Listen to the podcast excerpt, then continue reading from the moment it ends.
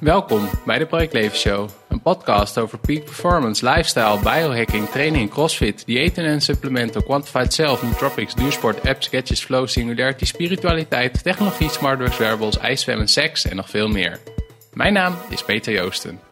Voordat we starten, wil je meer weten over de Project Show? Ga dan naar www.projectleven.nl slash podcast. Wil je niets missen van de Project Show? Ga dan naar facebook.com slash projectleven of abonneer je op deze podcast via iTunes, Stitcher of Overcast. Abonneer je op mijn nieuwsbrief door te gaan naar www.projectleven.nl. Here we go. Dit is een bijzondere aflevering, want ik word geïnterviewd door Suzanne. En Suzanne is mijn vriendin en ze is ook blogger en vlogger. En uh, dat zal ze allemaal zelf vertellen. Maar in de afgelopen jaren heb ik een heleboel vragen gekregen. Zowel als reactie op de blog of dat mensen mij een e-mail sturen naar aanleiding van een blogartikel of een uh, podcast. Of na afloop van een lezing. En eigenlijk al die vragen heb ik uh, verzameld en geclusterd en die gaan we bespreken. En het gaat zowel over wat is gezonde voeding, tot aan hoe kun je beter slapen, wat zijn de beste apps voor wielrennen en hardlopen, tot aan wat is biohacking, waarom doe je het eigenlijk, tot aan spiritualiteit en uh, mijn ervaringen met teruggaan naar een vorig leven. Wil je meer weten, uh, dan kun je de show notes bekijken en die kun je vinden op www.projectleven.nl slash FAQ 2017 en 2017 is in cijfers. Oké, okay, dit is een beetje een bijzondere podcast, want ik neem hem op met Suzanne Dullink. En Suzanne is mijn vriendin, uh, maar dat is niet het enige wat je doet. nee.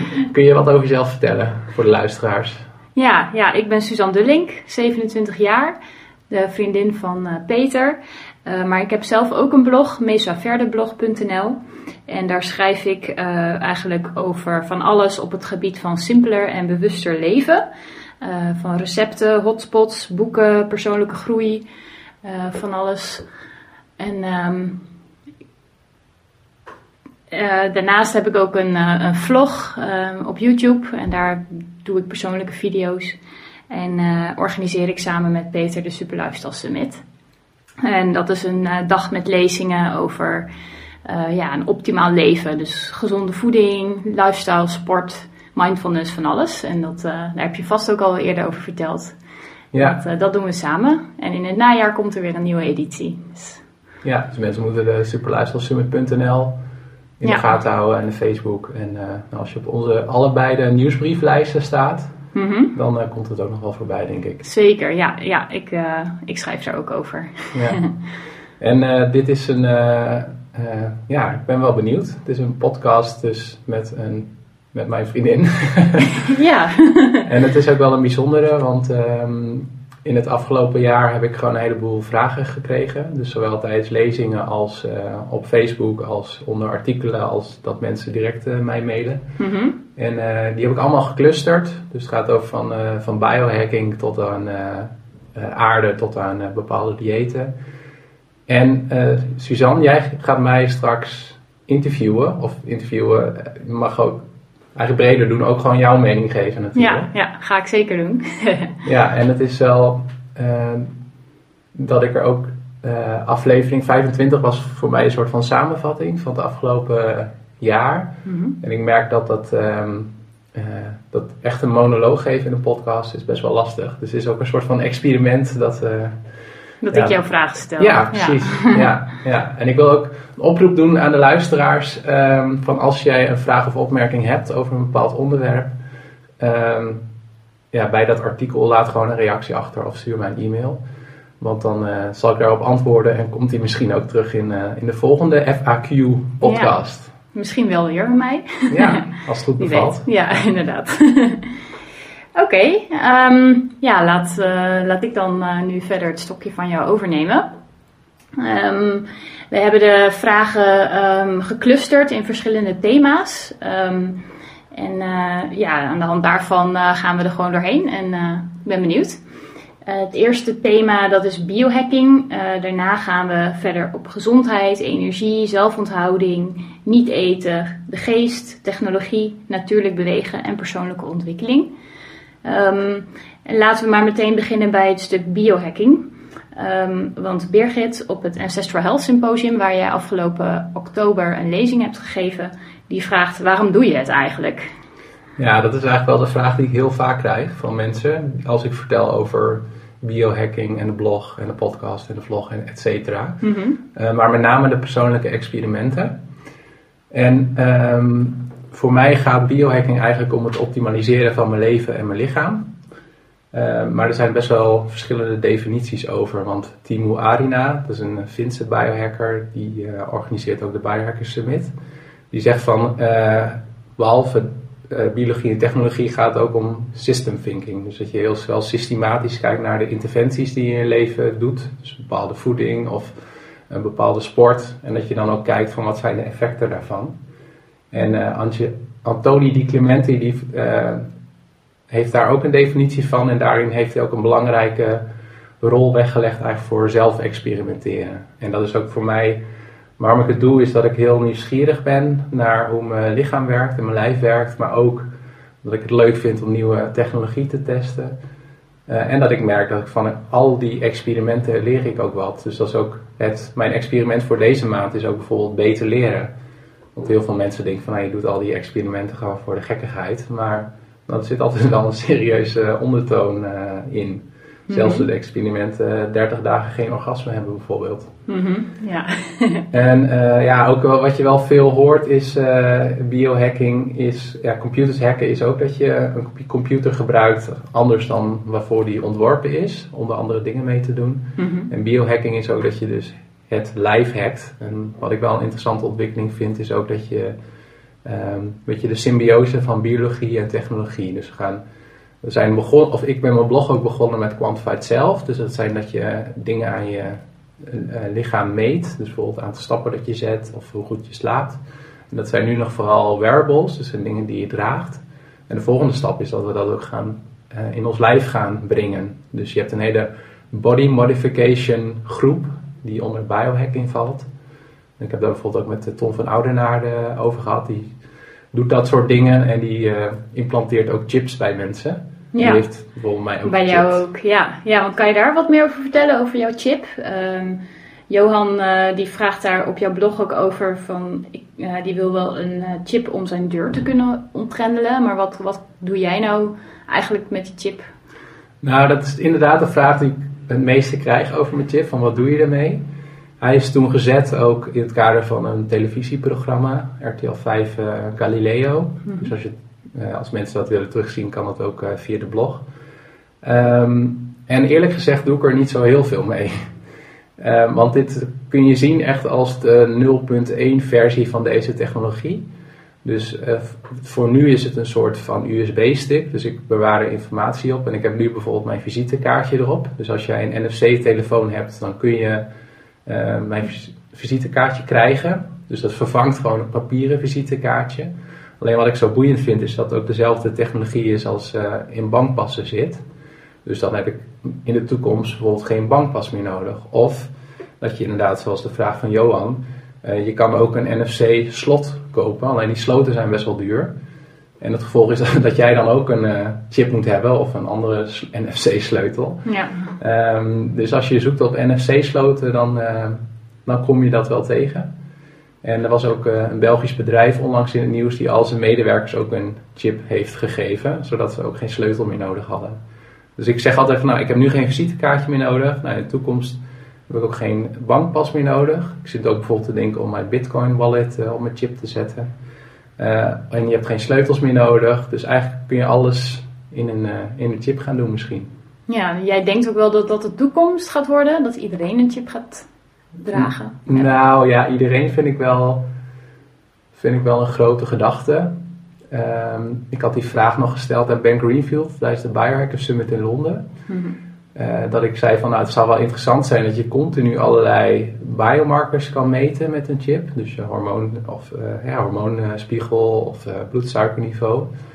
En hij was daar ook wel mee eens dat dat interessant zou zijn, want dan kun je echt naar geïndividualiseerde diëten. Daar krijg je een, app, een melding op je app van nou je moet nu deze supplementen gaan slikken of dit gaan eten. Mm -hmm. Alleen wat voor mij wel heel belangrijk is, en daar ben ik wel achter gekomen het laatste jaar, is dat het wel heel erg gaat ook om wie maakt die keuze ehm, kijk, ik heb nu gewoon zelf die chip genomen.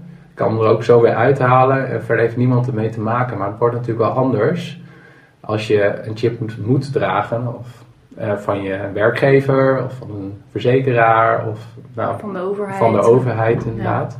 Dat is ook zo'n doembeeld bij Zeitgeist, die documentaire op Netflix. Ja, Dat iedereen aan de chip moet vanuit de overheid. En dat ze altijd alles van je kunnen meten en zo. Ja. Waar je bent. En, eh, ja. ja. Maar jij ziet het niet zo eh, als een doemscenario. Nee, ik denk dat hele biohacking. Nee, nee, ik denk dat het juist ehm, goed is dat er eh, mensen mee aan het experimenteren zijn. Omdat ik, juist door het experimenteren wordt het ook tastbaarder. Dus ik, je kan wel een theoretisch verhaal hebben over inderdaad de chips in lijf. Maar ja, ik heb er zelf heen genomen en nu merk ik wel wat voor reacties dat oproept. En ga je ook op een andere manier nadenken over de consequenties. Dus ik hoop niet dat het ooit verplicht wordt, maar ik denk dat wel veel meer mensen in de toekomst individuele keuze gaan maken om een eh, chip te laten implanteren. Ja, oké.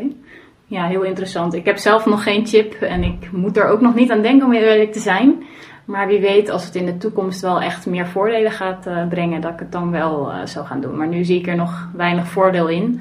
Maar ja, jij bent natuurlijk echt een, eh, een voorloper wat dat betreft daarin. Echt een menselijk proefkonijn. Echt een menselijk proefkonijn, inderdaad. Dat is een mooie uitspraak.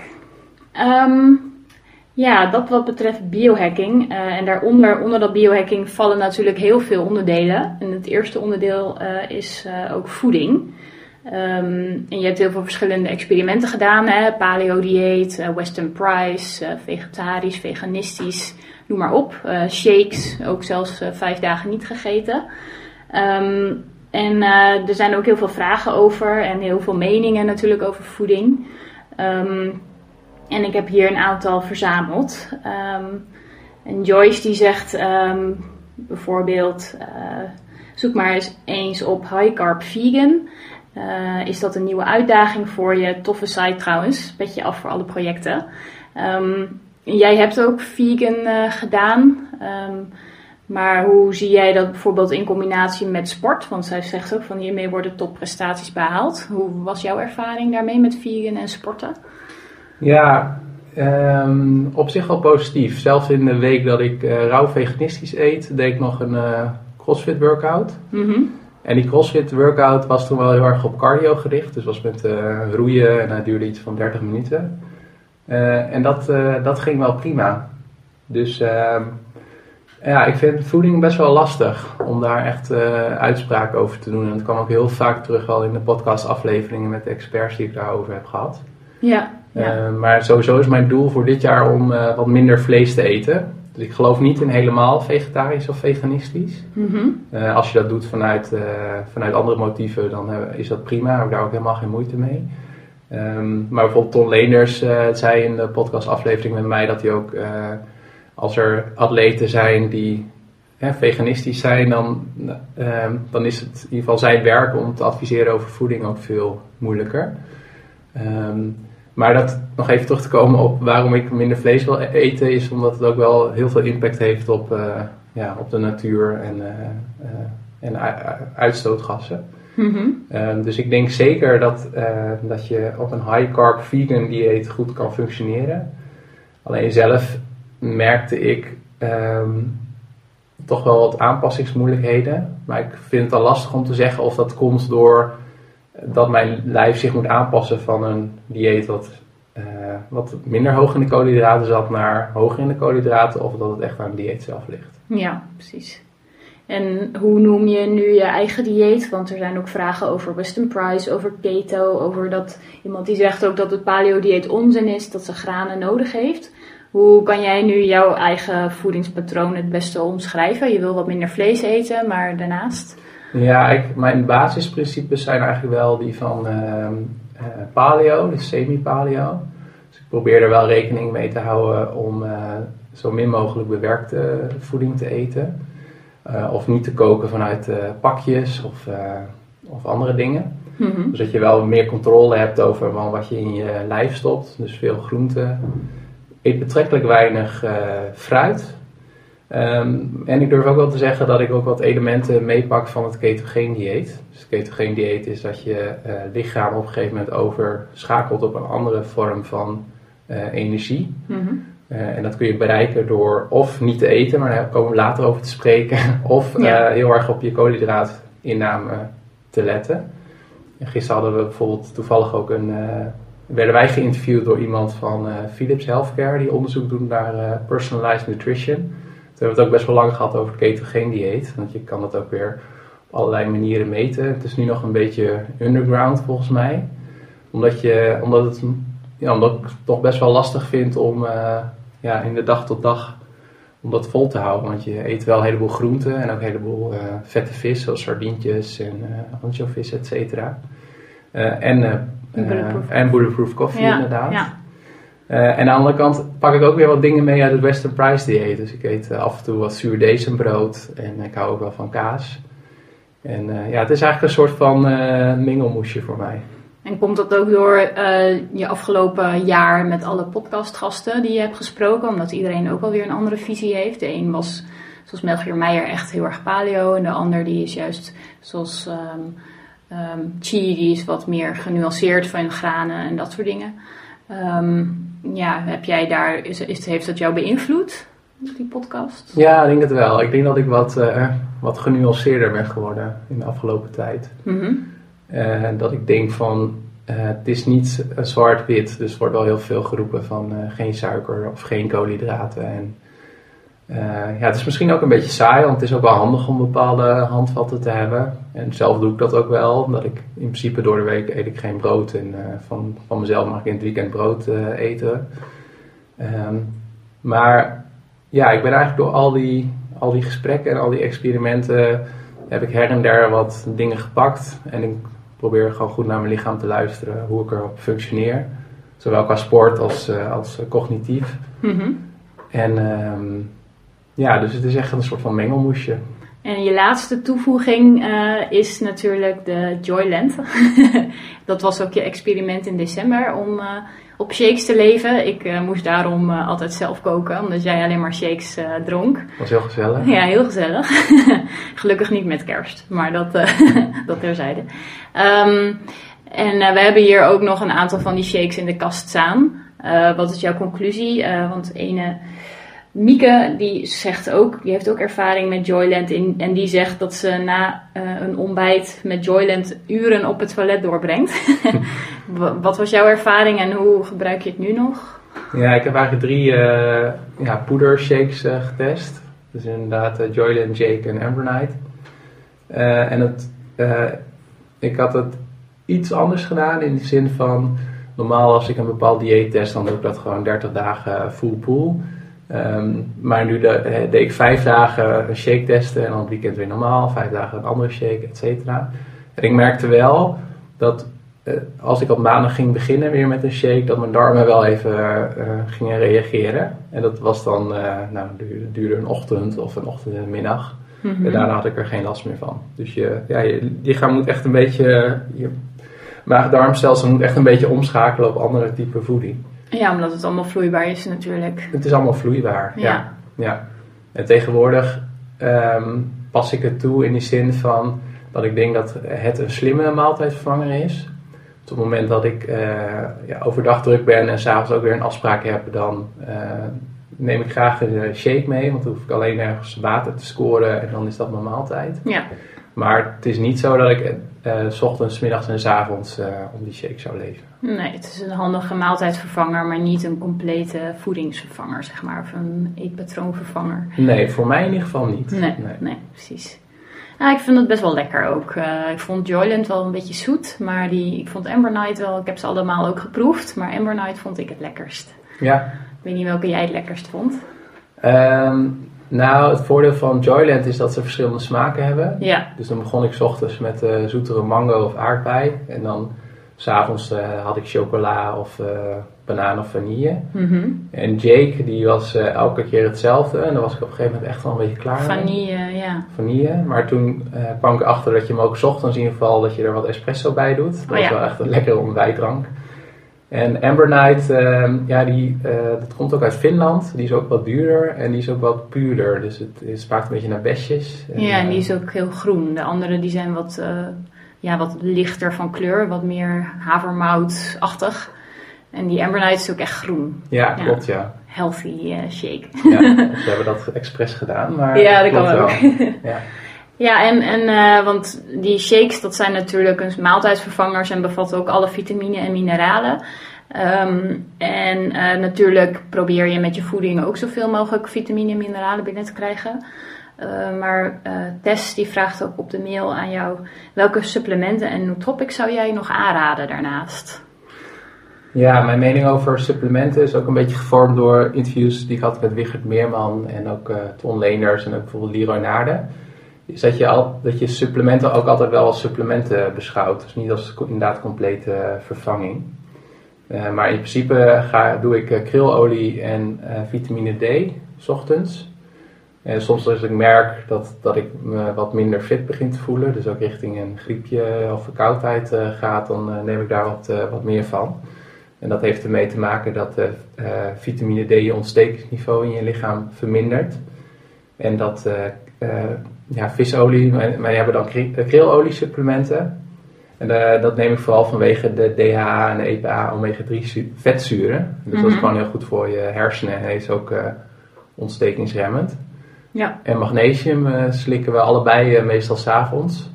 Ik heb ook een keer een experiment gedaan om beter te slapen. Dat was al wel in 2014. Toen heb ik daar wat testen mee gedaan. En we hebben nu ook allebei van die oranje brillen. Dat zijn van die Ja. blue blocking eh, brillen. Dus dat ziet ook altijd Gunnar, ja. Gunnars, inderdaad. Maar eh, magnesium, ehm, maar volgens mij weet jij daar ook net wat meer van. Maar magnesium ehm, zorgt eigenlijk voor ook eh, ja, meer rust eigenlijk. En het is ook heel goed bij spierpijn. Ja, en het is ook nog, ehm, als je veel stress hebt, dan gebruikt je lichaam veel magnesium. Dus het is inderdaad een, eh, en het is juist om je zenuwstelsel wat te ontspannen. Dus eh, ehm, ja, dus het is goed als je een stressvolle periode hebt of voor het slapen gaan om het aan te vullen. En eh, ik merk wel dat ik er beter door slaap. Maar ja, misschien is dat ook placebo. Ja. Dat weet je natuurlijk nooit. Maar dat, ja, wel een ehm, citraat, magnesiumcitraat, die neem je dan schijnt het best op. Dus, ehm, en ehm, ja, dus de supplementen en wat betreft nootropics, want ja, dat is natuurlijk nog weer een stapje verder. Ja, ja nootropics, eh ander woord zijn smart drugs. Dus dat zijn eh, supplementen, ja, pillen die je slikt om je cognitieve vermogens te verbeteren. Dus meer focus, meer concentratie, beter geheugen, et cetera. Mhm. Daar heb ik ook een aantal van getest. Um, Siltap werkt voor mij heel goed. Omnimind is redelijk vergelijkbaar met Siltap. Dan neem je... En dat is een mix, een mix van verschillende Ja, er zitten eigenlijk verschillende stofjes eh, in. stofjes in. Ja. Eh, dan moet je denken aan cafeïne en ook L-theanine. Een groene thee-extract en artichokke-extract uit mijn hoofd. En ik mis er waarschijnlijk nog een paar. Ja, Ehm, en ik heb ook eh, bijvoorbeeld net voor de podcast, of dit nog niet geleden, smart caffeine eh, geslikt. extra scherp. Om extra scherp te zijn. Dus ik hoop dat je dat kan horen. Ja, En ik doe ook eh, dagelijks eh, creatine.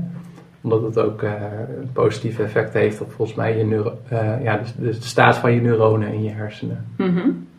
En eh, we hebben nu als nieuwe aanwinst ook nog Chimera koffie. Dat is koffie waar nootropics in zitten verwerkt. Ja. ja. Ja, dat is eigenlijk het best of both worlds. Dus dat je, en koffie en nootropics in één. Ja, ja, het enige nadeel. En je hebt ook, ik heb nu ook body changing coffee getest, dat is Nederlands. Mhm. Ehm, dat in ieder geval voor mij nog niet duidelijk is van hoeveel van de nootropics in die koffie zitten. Ja, Dus of je één kopje neemt of eh, hoe sterk je het zet. Of, eh, ja. Ja, en kan ik, eh, als ik heel veel focus wil hebben, heb ik dan zeg maar aan twee koppen koffie genoeg? Of moet ik daarnaast nog even wat extra andere nootropics slikken en hoe beïnvloeden die elkaar? Maar ik vind het een hele boeiende, boeiend product. Ja. Dus daar wil je ook nog wel meer mee experimenteren in de toekomst. Ja. Smart drugs. Ja, zeker. Ja, en als je ehm, als beginner ehm, iemand die wat meer concentratie wil, meer focus op de dag, zou je dan die Siltap aanraden of, er, of die koffie of wat zou je aanraden? Ja, ik zou beginnen denk ik inderdaad met Siltap. Die is ook nog niet eh, zo extreem. Mhm. Ehm, maar eigenlijk zou ik nog weer een stapje eerder beginnen. Dus eh, als je het hebt over focus en concentratie, dan uh, ik heb uh, twee effectieve, hele effectieve plugins op mijn Chrome browser staan.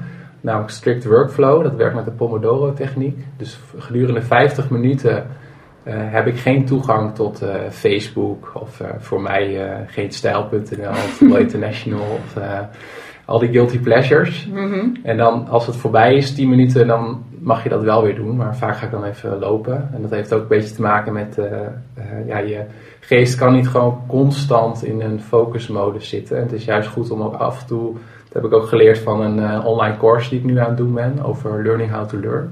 Dat, je heel erg, dat het voor je hoofd heel goed is om te switchen tussen de focused mode en de diffused mode. Mhm. Dus 50 minuten zit ik in de focus mode en dan 10 minuten ja, kun je gewoon even wat anders doen. Soms ook wat push-ups en soms uh, de vaat uitruimen of zo. Mhm. Uh, dus dat is de ene. En de andere is News Feed Eradicator. Ja, ja. Dus die heb ik ook door jou. Ja, hoe werkt die? Ja, heel fijn. Dat is eh, dat je timeline op Facebook wordt eh, gewist. Je kan wel gewoon op Facebook komen en je ziet wel als je ergens in getagd wordt en zo. Ehm, en wij hebben het natuurlijk ook allebei nodig voor onze blogs, de Facebookpagina's. Maar je hebt geen timeline, dus niet al die posts en video's en domme dingen die erop worden gedeeld. En dat, eh, daar, daardoor ben ik wel een stuk minder lang op Facebook. Na vijf minuten heb je het wel gezien, zeg maar. Ja, ja en, en als, je dan, als je dan een stapje verder wil, dan zou ik ook gaan testen met binaural beats. Ik een, eh, eh, op mijn blog, uh, projectleef.nl slash binaural-beats. En dat gaat eigenlijk uit van het principe, ja, het is niet helemaal wetenschappelijk gevalideerd, want het zijn ook wel andere dingen waar we het straks nog over gaan hebben. Dat er eigenlijk een, vers- een verschil in frequentie zit tussen je linker en je rechter oor, het geluid wat je eruit krijgt. En dat dat eh, tot effect heeft dat je hersenen ook in een bepaalde goede eh, hersengolffrequentie komen. Die ook weer gerelateerd is aan focus. Eh, je hebt ook bij neural beats die je kunnen helpen om beter te slapen. Ja, dat zijn dan weer de theta-golven volgens mij. Je hebt de alpha, beta, gamma Ja. golven. En, Ja, en als, wij zitten nu waarschijnlijk in beta. En eigenlijk voor focus wil je ook beta, maar volgens mij ook wel een deeltje alpha. Dat kwam ook terug in de opleiding die ik heb gedaan over flow, het Flow Genome Project. En eh slaap is heel erg gerelateerd aan de delta. eh, Oh, delta heb je dan. Delta, ook. wel, Ah. Ja. Ja. Als je dan een stapje verder wil, dus dat is level 2 en level 3 is dan ga testen met nootropics. Nootropics, ja, Ja. precies. En dan misschien ook Bulletproof Coffee. Ehm, daar zijn we allebei wel eh, fan van. Eh, daar heb je ook echt een heleboel vragen over gekregen, over Bulletproof Coffee. Ehm, eh, ja, iemand die zegt bijvoorbeeld, eh, let op dat je de goede boter kiest. Eh, wel echt goede grasboter. Zodat je weet dat het echt van koeien is die gras hebben gegeten. Dat is natuurlijk vanwege de beste samenstelling van de boter, goede vetzuren en dergelijke. Vetzuren, ja. Ehm, en Martine die zegt ook op de blog: Dankjewel voor je artikel en zoektocht. Ehm, en ze zegt: Ik drink het nu een paar dagen en wat een verschil. Helder focus en meer energie. Ehm, en eh, we hadden dan ook nog een betaalbaarder alternatief. En dat is de koffie van Simon Leeveld. In plaats van echt de officiële Bulletproof koffie. Ehm, en ze vraagt: Of heb je nog betere variaties gevonden van koffie? Ehm, ja, ik zit even te denken welke koffie we nu gebruiken, maar dat is volgens mij de biologische koffie van de Albert Heijn. ja, klopt. En eh, heb je het ook al eens geprobeerd met de nootropic koffie, de Chimera koffie, bulletproof koffie? Ja, dat heb ik ook geprobeerd. En dat wel weer hetzelfde van, ja, is het een placebo of niet? Maar voor mij werkte dat wel heel goed. Dus vaak, eh, ja, vaak kiezen we uh, Moïse koffie, heb ik ook getest. Ik vond de eigen merk van de Jumbo vond niet zo, eh werkt voor mij in ieder geval niet zo goed. Nee. Maar ik vind de biologische koffie van de Albert Heijn, of als je inderdaad gewoon goede koffie koopt bij de Simon de Veld, liefst ook eh, organisch. Ja, en het beste is dan schijnt nog weer single estate. Ja, Dus dat het van één plek komt en dat het geen blend is. eh, ja. is de controle op kwaliteit beter, schijnt. Ja, maar ik heb ook het idee van dat eh, Dave Asprey, van eh, de ontdekker van Bulletproof Coffee, of uitvinder van Bulletproof Coffee en van de koffie Bulletproof Coffee, die, Mhm. die focust zich ook heel erg op schimmels in Ja. koffie. Maar dat het eigenlijk ook in Amerika ook een stuk minder goed qua wetgeving is geregeld dan in Europa. Dus volgens mij als je gewoon naar eh, een goede koffie koopt bij de Simon Veld of online via Moïse of gewoon naar de Albert Heijn gaat, Ehm, als je in ieder geval wel let op dat je net goede boter koopt en MCT of kokosolie, dan, uh, zit je wel goed. Dan zit je wat Ja. mij betreft wel goed. Ja. En eh, af en toe neem ik ook wel de echte Bulletproof koffie en ja, dat voelt wel beter, Maar ja, maar dat kan weer op. kan ook placebo zijn. Inderdaad. Ja. En er is nog één dame die vraagt, Ellie, eh, kan ik de Bulletproof koffie ook eh, cafeïnevrij maken? En ze wil het gaan drinken om af te vallen. Ehm, ik drink zelf ook niet zo heel veel koffie. Ehm, en we hebben ook cafeïnevrije koffie. En ik maak daar ook wel eens eh, Bulletproof koffie mee. Ik vind dat eigenlijk ook prima. Maar wat ik dan nog liever maak zelf, dat is persoonlijk, is een cacao Bulletproof. Eh, ja, het is dan geen koffie, maar een soort van Chocolademelk? chocolademelk of thee. eh, van Marinka van Epaleo. Zij heeft een recept op haar site. En dat is dan met heet water, cacao en boter of ghee. En ook eh, MCT-olie.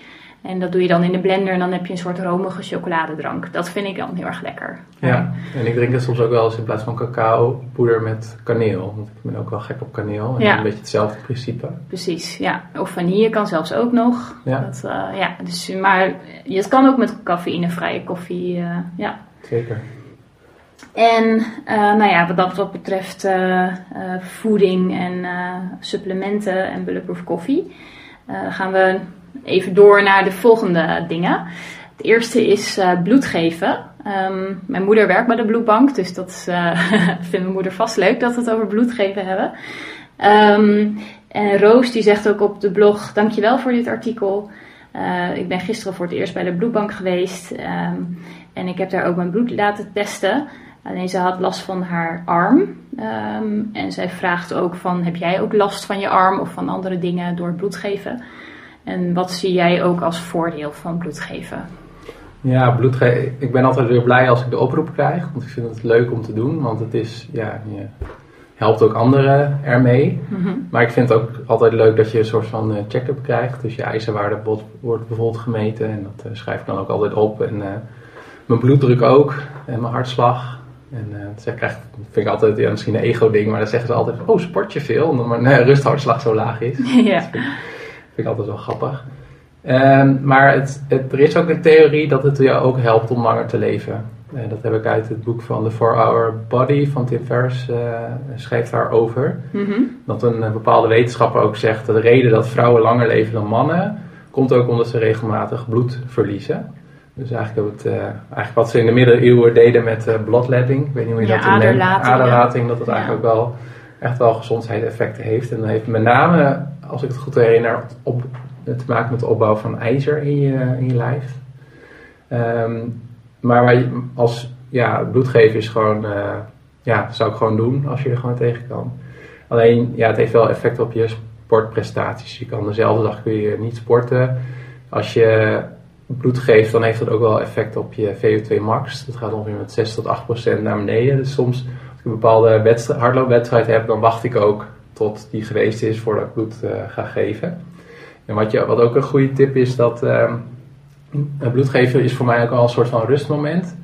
Want je moet gewoon echt rustig zijn als je bloed wil geven. En, uh, ja, die vrouwen, zijn vaak vrouwen die dan uh, de bloedafname doen, die zijn er ook wel heel scherp op. Als je gewoon heel gehaast bent en zoveel mogelijk in je knijpballetje aan het knijpen bent, omdat je zo snel mogelijk je halve liter wil geven, dat werkt niet. Dus je moet gewoon ontspannen zijn, goed gegeten hebben, goed gedronken hebben.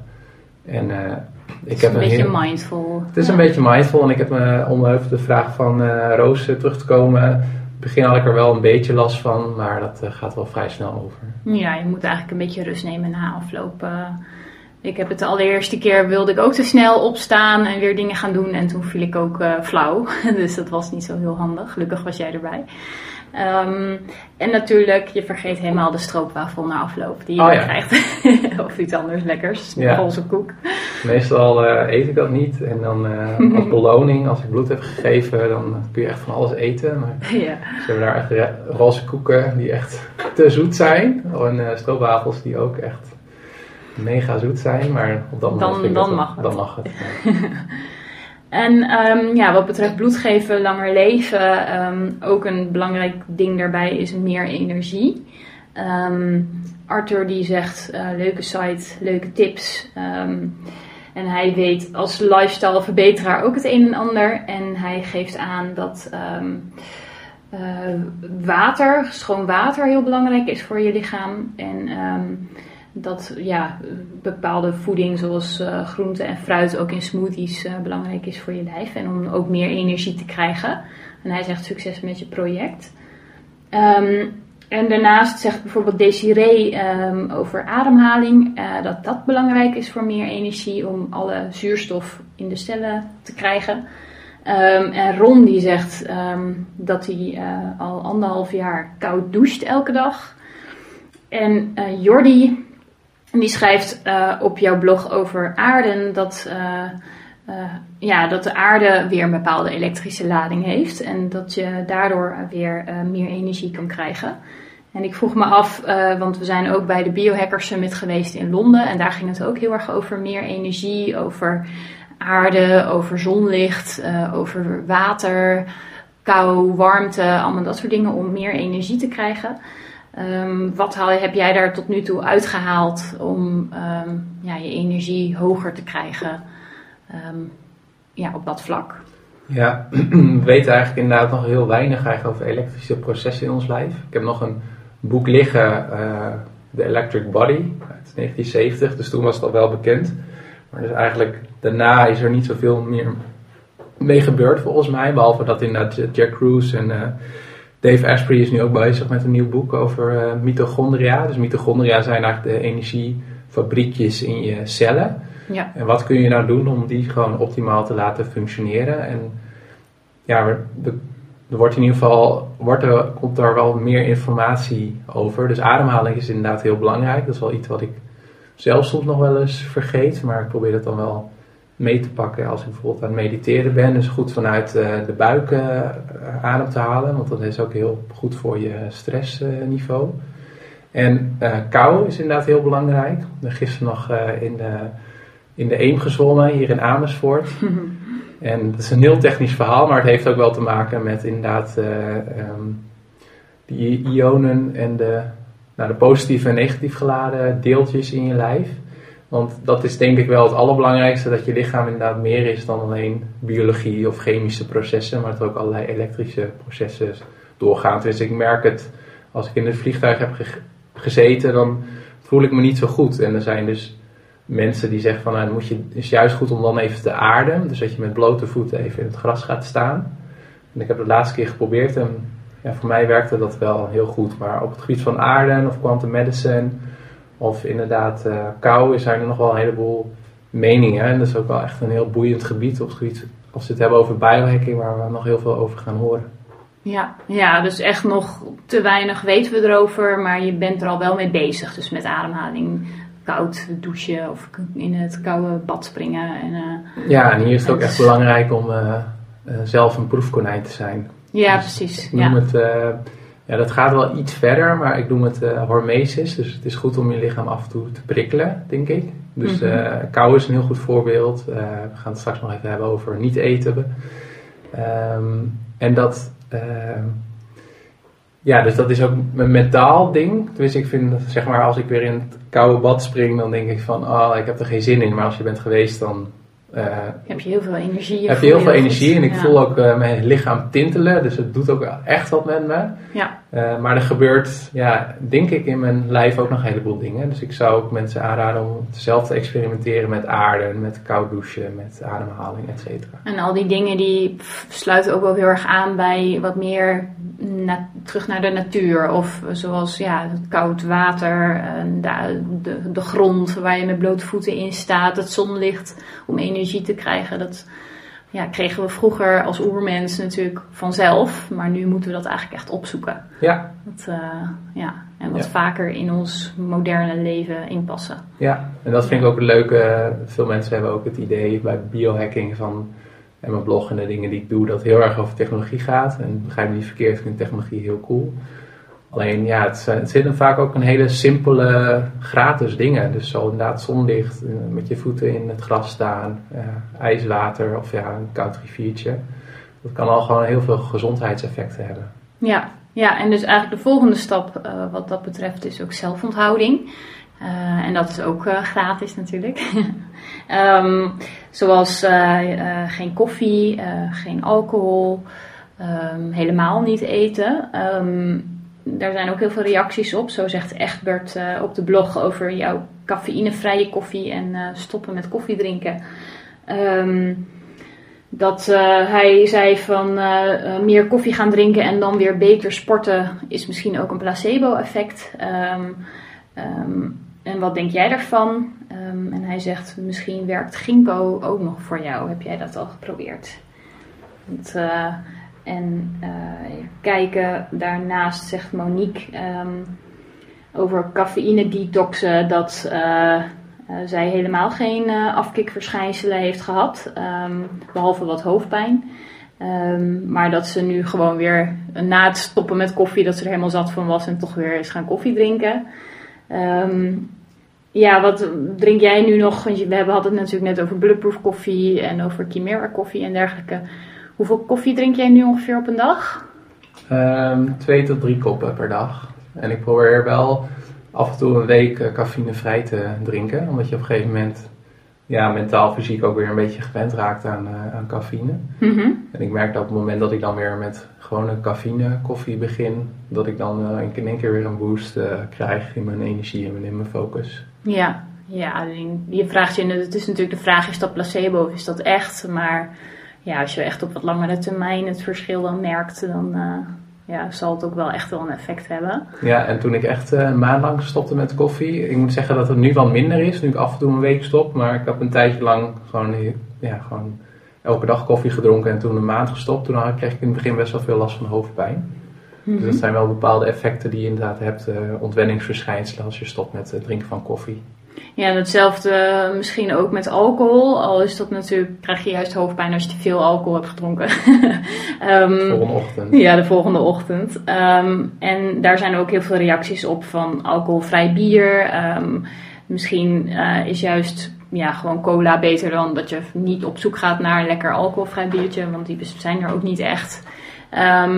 en iemand die zegt ook van... Uh, ik ben het er helemaal mee eens met de voordelen van geen alcohol drinken. Ik ben een aantal kilo's kwijt. Ik voel me veel fitter. Um, maar hoe zie jij um, ja, het meer het zelfonthouding in het algemeen? Uh, om helemaal niet te drinken? Of is het juist goed om het een tijdje niet te doen en dan weer af en toe wel? Of hoe, hoe zie jij die zelfonthouding ten opzichte van jouw leefstijl? Ja, dat is ook een beetje van hoe jij zelf als mens bent. ik mhm. ben, uh, toen ik net met de blog was begonnen, toen werd ik uitgenodigd door een paneldiscussie met uh, Arie Boomsma in Amsterdam. En toen ging het ook heel erg over zelfonthouding.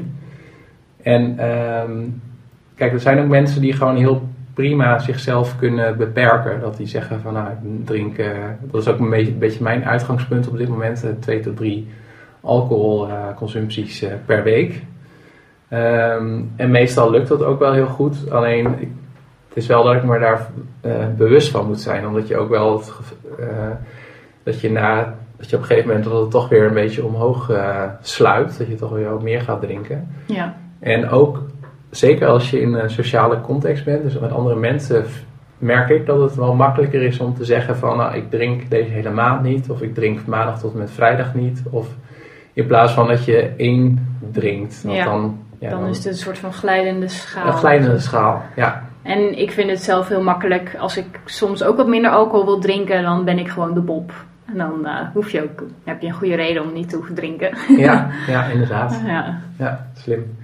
Uh, en ja, dus geen koffie, geen alcohol. Um, en wat wij ook allebei regelmatig doen is intermittent fasting. Um, ja, hoe, hoe zie jij dat? Uh, er zijn verschillende reacties op. Uh, sommigen die doen het dus echt vijf dagen achter elkaar en dan maar uh, vier uur per dag eten. En dan de andere twintig uur helemaal niet eten. iemand anders die zegt, Frans, die zegt voor mij werkt het ook prima. Hij doet het inmiddels anderhalf jaar en heeft veel minder spierpijn en juist meer spierkracht. en zijn energieniveau is veel hoger. Um, ja, hoe pas jij intermittent fasting toe? Dus dat is dus regelmatig een tijdje niet eten. Ja. En um, denk je dat iedereen dat moet doen? Of, of, ja, hoe kijk jij daarnaar? Ja, Ja, dat uh, inderdaad intermittent fasting is dat je een uh, ontbijt overslaat of een ontbijt en een lunch of een ontbijt, lunch en avondeten en ook tussendoor niet snackt, dus je gewoon echt niet eet. En uh, ik doe dat gewoon één keer per week. Ik probeer daarin wel een beetje te variëren. Dus ik soms alleen mijn ontbijt en lunch oversla en soms ook mijn avondeten erbij. Um, want dat is een van de dingen waar we net over hebben gehad, die eigenlijk heel simpel zijn. En die ook eigenlijk vanuit onze, vanuit onze evolutionair raamwerk eigenlijk wel bepaald zijn. Dat wij als mens zijn ontwikkeld niet met zeg maar heel netjes drie keer per dag een, uh, wat eten. Dus je hebt, uh, vroeger had je, had je een beest gevangen, ik noem maar wat. Nou, dan ging je opeens heel veel eten. En daarna kostte het gewoon weer tijd om een uh, nieuw beest te vangen. Of was het net in een verkeerd seizoen dat er geen groente of fruit beschikbaar was. Mm -hmm. Dus onze onze lijven zijn evolutionair wel gewoon gewired, hoe zeg je dat? geprogrammeerd. Ja. Om af en toe ook prima zonder eten te kunnen. En als mensen daarmee beginnen, zou ik zeggen, begin klein. Uh, want het is ook met name ook wel mentaal wel een stap. Als je gewoon netjes elke dag drie keer hebt gegeten en dan denkt, oh, wat gebeurt er als ik mijn ontbijt oversla? Dan val ik flauw of zo. Mm -hmm. En dan moet je gewoon even testen om uh, ja, om te zien dat het gewoon echt niet het geval is. Je hebt genoeg voorraden. Je hebt genoeg voorraden, maar houden wel rekening mee met wat je de dag ervoor eet. Dus ik zou, uh, dat heeft een beetje met die ketose te maken waar we het over hebben gehad. Dus zorg al dat je genoeg verzadigd bent door de avond van tevoren al voldoende vetten en eiwitten te eten. En wat minder hoog in de koolhydraten te zitten. Dan zul je merken dat het ook makkelijker is om je intermittent fast te beginnen. Ja, precies. Ja, en het sluit ook wel weer aan bij dat hormese waar je het ook eerder over had. Van je lichaam af en toe prikkelen om uh, sterker te worden. Ja, dat, uh, ja. ja, en we hebben allebei het uh, boek van Nassim Nicolas Taleb gelezen, Anti-Fragile. Daar ben jij nu mee bezig. Daar ben ik nu mee bezig, ja. ik heb hem uit. Wat ik wel tof vind is dat hij dat heel erg gaat over economie en dat soort dingen. Maar dat hij het ook volgens mij ook heeft over intermittent fasting. Ja. En dat het heel ja, het soort van recht van de sterkste. Dus je, doordat je even niet eet, zorg je voor veel stress in je lijf. En de zwakkere cellen, die, uh, ja, die vallen eruit op die manier. Dus het is goed om uh, inderdaad hormesis, of je dan een Macau doet of niet eten, of even geen cafeïne of geen alcohol. Af en toe maar, je lichaam prikkelen. Ja, en noemt dan ook nog uh, krachttraining om je bot ja. density te verbeteren. Dus eigenlijk is juist een, een, prikkel waar je, je moet er ook niet te veel van, de, van nemen. Uh, helemaal niet eten, daar ga je natuurlijk ook dood van. Of uh, uh, heel veel krachttraining, dan belast je je lijf ook te veel. Maar als je het met mate doet, dan word je er juist sterker van. Ja, van. ja, en ook ja. een uur in een ijsbad zitten, dat heeft ook niet zoveel zin. Nee, het gaat echt om, om de korte prikkel. Ja, en volgens mij is de definitie van hormesis ook inderdaad van als je het te grote hoeveelheden hebt, dan is het dodelijk. Maar kleiner, ja. dan werkt het heel goed precies. Ja, en dan, dan is die volgende stap van is het nog goed of is het niet goed? Het helemaal niet eten. Vijf dagen heb jij gevast. Hoe ben je er überhaupt bij gekomen? Um, er is ook sommige mensen die reageren daar best wel heftig over. Van waarom zou je dat überhaupt willen? En iemand anders die zegt veel succes. Ik ben heel benieuwd naar je ervaringen. Er zijn ook mensen die vasten met alleen het gebruik van zonlicht. Ja, dat is iemand in, uh, ja, in India geloof ik waarvan werd gezegd dat hij 10 jaar of zo, of 60 jaar niet heeft gegeten, maar alleen van de zon heeft geleefd. Nou, ik weet niet of dat waar is. Nee. Um, ja, ik, als ik terugkijk op 2016 was dat wel echt een van de meest boeiende experimenten. Ook op basis van de reacties die ik van anderen kreeg. Mm -hmm. Dat ik vijf dagen niet heb gegeten. Ik ben daarin een beetje geïnspireerd ook door um, nou, Tim Ferriss. Hij kwam net al eerder aan bod. Die zegt uh, ook, uh, daar gaan we het nu niet over hebben, maar vanuit het stoïcisme. Van het is ook goed om je te realiseren dat je ook met minder af kan. Dus of het nou minder luxe is of minder eten. En dat je nog steeds gewoon uh, leeft, als het ware. En um, uh, een andere theorie, uh, die is misschien wat controversiëler, is dat het zeker met vijf dagen niet eten, dat je ook een shake-out doet van kankercellen in je lijf. Omdat dat is dan de suikertheorie van, over kanker. Ik heb er wat over geschreven. Maar dat je kankercellen heel erg houden van, uh, van suiker en koolhydraten. Dat die energie hebben om te delen en uit te groeien tot, uh, tot een tumor. En door vijf dagen niet te eten, ja, ontneem je die eigenlijk de voeding. Want op een gegeven moment gaat je lichaam over in de staat van ketose. Bij mij duurde dat, want ik heb het toen ook gemeten, ongeveer na twee dagen. Toen had ik het ook het zwaarst. Dus de eerste dag was prima en de tweede dag in de middag vond ik het zwaar. En s'avonds vond ik het best wel pittig. toen moest ik een lezing geven, dus was, dat was achteraf niet zo'n goed idee. Nee, handige planning. Handige planning. En daarna dan is je lichaam echt uh, ja, in een andere versnelling. Uh, of dan, ja, net als je een hybride auto hebt die overschakelt van elektrisch naar uh, benzine. Dan was bij mij ook die omschakeling geweest. En er zijn ook mensen die overgaan tot een tiendaagse vast. en ja, voor mij was het dus fysiek ehm, wel een soort van detox. Dus, ehm, maar ook mentaal. Dat ik, uh, wat ik merkte is dat ik ook een soort van sowieso wat rustiger aan moest doen. Omdat je gewoon niet meer kan sporten of heel druk kan zijn. Dus voor mij was het ook een soort van, uh, ja, net als bloed geven, een soort van mindfulness uh, momentje. Ja. Dat ik het gewoon vijf dagen even rustig aan moest doen. Maar het, is wel, het was wel pittig, maar ik wil het wel één keer per jaar doen. Omdat ik wel, omdat ik, en ik hou de, het onderzoek of de voortgang op dit terrein ook wel in de gaten. Maar ja, als we het hebben over hormesis, ik denk dat je lichaam inderdaad ook wel zo'n hormesis aan kan. Ja, helemaal niet eten. Um, maar je kan bijvoorbeeld ook eens beginnen met één dag of twee dagen. Of, ja. Of drie, drie dagen, misschien vijf is wel meteen uh, behoorlijk veel. Ja, en als ik het, als ik het zou doen, ook voor, uh, voor, voor dit jaar, 2017, dan wil ik ook gewoon even goed plannen. Van heb ik ook een periode dat ik gewoon even niet te veel dingen buiten de deur heb helemaal geen lezingen of zo. Mhm. En dan, uh, dan het gewoon weer doen. En ja, jezelf ook tracteren als je weer mag eten. We hebben toen sushi gehaald en dat was echt... Dat was heel lekker. Oh, dat was echt super lekker inderdaad.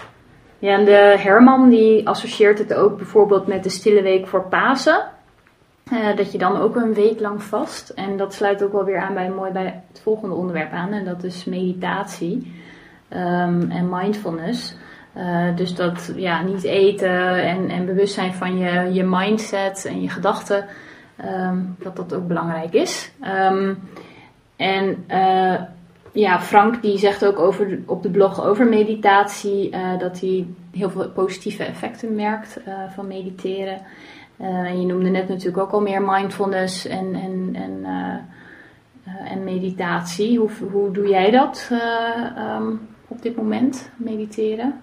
Of niet? Ja, dat is een van de dingen die ik echt heb, concreet heb overgehouden aan mijn experimenten. Dus behalve, ik heb een maand lang koud gedoucht, dat ik dat nog steeds doe. Of dat ik die dieet heb getest. Of, uh, uh, ik heb dus een dag of maand lang elke dag gemediteerd. Omdat ik wel wist of hoorde dat het goed voor me is, maar ik wist niet of dat echt zo was. En ik merk daar al echt positieve effecten van. Ook al is het maar gewoon even een moment van 10, 11 minuten even met, je, met jezelf zijn. En meestal doe ik uh, mijn ogen dicht. En dat ik dan tot 10 tel door mijn adem te volgen en dan weer bij één begin. En soms doe ik het met een app. Dus ik gebruik uh, Calm. Die kan je ook instellen van uh, soms is dat een begeleide meditatie. Dus dan word je erin begeleid. En soms is het dan een aantal minuten en dan gaat de gong op het moment dat je klaar bent. En wij, als we samen mediteren, dus liefst doe ik het s ochtends, maar dat lukt niet altijd. En soms doen we het ook samen avonds en dan gebruiken we een eh, best wel fijne Spotify playlist. Ja, yoga meditation, volgens mij. Ja, en die, die doen we dan ook wel bewust 11 minuten. Zodat je ook uh, even de tijd neemt om ja, je, te zitten. Te, zitten. En, te, te, te settelen, zeg maar. Je intentie van ik ga nu mediteren. Ja. En dan heb je echt nog tien hele minuten om te mediteren. Ja, ja precies. Ja. Zo'n tipje van Tim Ferriss ook. Ja, ja. en ik heb laatst voor het eerst met ogen open gemediteerd. Want dat is wel iets wat jij uit een... Uh... Ja, van Jan Geurts uit het boek Verslaafd aan Liefde. Dat is wel een heel uh, boek, mooi boek. Dat ben jij nu dan weer aan het lezen. Ja. Um, en dat is dat je juist als je je ogen open houdt tijdens het mediteren. Het is niet dat je dan om je heen moet gaan kijken, maar gewoon rustig je ogen open houdt. Uh, dat je dan bewust wordt waar je bent, waar je zit. Dat je je bewuster bent van je omgeving. En dat je dan dus uh, ja, je een soort van vogelperspectief uh, op jezelf kan hebben. Op die manier. Ja. ja. Ja, ik vind mediteren echt een van de. Het is maar 10 minuten per dag, maar een van de belangrijkste dingen ja, tot nu toe die me helpen om uh, rustiger te zijn, meer energie te hebben, door de dag heen meer, ja, meer concentratie te hebben en gelukkiger te zijn. Of tenminste, omdat je minder beïnvloed wordt door je gedachten en je negatieve gedachten vooral. Ja. Dus voor mij is het in ieder geval echt een heel belangrijk uh, ding. Ja. ja, en ik heb ook wel interessante boeken over gelezen die jij ook volgens mij hebt gelezen. Dus In de Maalstroom van Edel Maaks en uh, Search Inside Yourself. Die vond ik zelf ook wel heel leuk. Ja, van dat Google-project. Ja, ja. Google-project, omdat hij het ook een beetje als een uh, computerprogrammeur had beschreven. En, nou, ja, heel praktisch. heel praktisch. En, en, ja, ook wel vanuit de wetenschap. Van dat het een soort van, je hersenen zijn ook een soort van spieren die je ook moet trainen. En om beter te worden. Ja, ja en dat je ook juist door regelmatig te mediteren, dat je er ook gelukkiger van wordt, succesvoller. Dat je ook je emotionele intelligentie erdoor kan verbeteren. Precies, ja. En um, ja, voor mij, ik wil daar komend jaar nog een keer een project of experiment mee doen met offline zijn. Want ik merk dat ook, ja, je bent, ik ben tegenwoordig zo geneigd om al mijn vrije tijd op te vullen met, uh, nou, met, met de computer of met de smartphone. Omdat je ook zoveel dingen te doen hebt met... Uh, uh, met de blog en andere dingen en sporten en zo. En dat het wel fijn is om af en toe even echt even op jezelf te zijn en dingen proberen los te laten. Dus ja, het is echt wel een, blijvertje. -hmm, absoluut, ja. Ja, je hoort ook wel vaak bij, in ieder geval weer bij Tim Ferriss in zijn podcast, dat bijna al zijn gasten ook mediteren. Het komt eigenlijk bij iedereen wel weer terug. Dat is altijd wel leuk. Heb jij dat ook met jouw podcastgasten besproken? Mediteren er veel? Uh, nee, eigenlijk niet zo heel veel. Dus ik heb binnenkort wel een podcast interview met Robert Bridgman, mm -hmm. die daar wel bekend van is. Maar het gebeurt eigenlijk in, in variaties. Dus sommigen zijn er wel echt heel bewust mee bezig. En anderen die zeggen van, ja, ik weet eigenlijk wel dat het goed voor me is, maar ja, het is er tot nu toe niet, niet van, van, van, gekomen. Van gekomen. Ja. Ja, ja, klopt is ook wel, het is wel even, je moet er echt tijd voor maken. Ja, dus dan zou een 30 dagen challenge zou een mooi begin zijn. Want dan ben je, zit je erin en dan kun je voor jezelf bepalen of je ermee door wilt of niet. Ja, ja goede tip. En uh, ja, wat betreft meditatie, dan gaan we ook een beetje richting de spiritualiteit. Uh, wij hebben uh, vorig jaar in februari samen een ayahuasca-ceremonie bijgewoond. Of dat was twee dagen. Um, en je hebt er ook een heel uitgebreid blogartikel over geschreven, ik zelf ook op mijn blog. Um, en Wouter die zegt ook bij dat artikel dat hij heel erg benieuwd is naar je ervaringen met ayahuasca, hoe zwaar je het vond en um, of het niet eng is. En Pakita die zegt ook op je blog dat, het, uh, dat je ook een hele boeiende presentatie daarover had gegeven bij Derfest in Antwerpen. En dat het heel moedig was om daarover te vertellen, omdat het ook niet heel erg past bij biohacking eigenlijk, dat spirituele stuk. Um, en ze was benieuwd um, ja, of je er meer over jezelf bent uh, te weten gekomen. En um, ja, hoe jij dan die, ja, die psychedelische middelen, want ayahuasca is een psychedelisch uh, middel, hoe je dat ziet uh, in combinatie met biohacking, jezelf verbeteren en, en ja, persoonlijke groei op dat gebied. Ja, dat is eigenlijk nog wel een gebied wat bij mij nog onderontwikkeld is. Um, de spiritualiteit ja, je? Ja, dus ik ben er wel, wel steeds meer mee bezig. En ik denk dat mindfulness, meditatie daar ook al een eerste stap in is. Um, ja, psychedelische middelen zitten wat mij betreft nog best wel in een verdomhoekje. Zoals ayahuasca, dat is ook uh, ja, eigenlijk illegaal, maar ja, je mag het wel onder begeleiding doen. En dat zou ik ook sowieso doen. Uh, en het was voor mij wel echt een, uh, een eye-opener. Dus zeg maar op persoonlijk vlak een aantal inzichten die ik heb gehad over nou, onze relatie, maar ook de relatie, de relatie die ik heb met mijn ouders of de... Wel positief, toch? Ja, allemaal, positief. En de dingen die ik dan aan het doen ben. En uh, daar wel ja, interessante inzichten mee gehad. Uh, dus dat zeg maar op dat vlak. Maar ook dat ik dacht van ja, ik ben best wel veel bezig. Als je in het begin had het over biohacking met, uh, met system thinking. Want dus eigenlijk, ik voelde dingen waarvan ik denk van ja, hoe, hoe kun je dit in vredesnaam vatten in data of, uh, of, of, ja, gekwantificeerde dingen. Dus ik denk van, dus, ik weet, ik ben niet religieus. Uh, ik zou mezelf een beetje spiritueel willen noemen, maar in ieder geval sinds die ervaring denk ik van ja, er is in ieder geval wel meer tussen. Uh, en, ja, het gaat over het menselijk lichaam, dat niet, niet alleen biologie of chemie of elektrisch is, maar dat we ook ja, spirituele wezens zijn. Dus ik wil daar uh, ja, dit jaar ook weer meer mee doen. Dus me erin verdiepen door middel van het lezen van eh, artikelen. Dan wel ook weer een, eh, een weekend doen, of een ayahuasca weekend of een meditatie weekend. Mhm.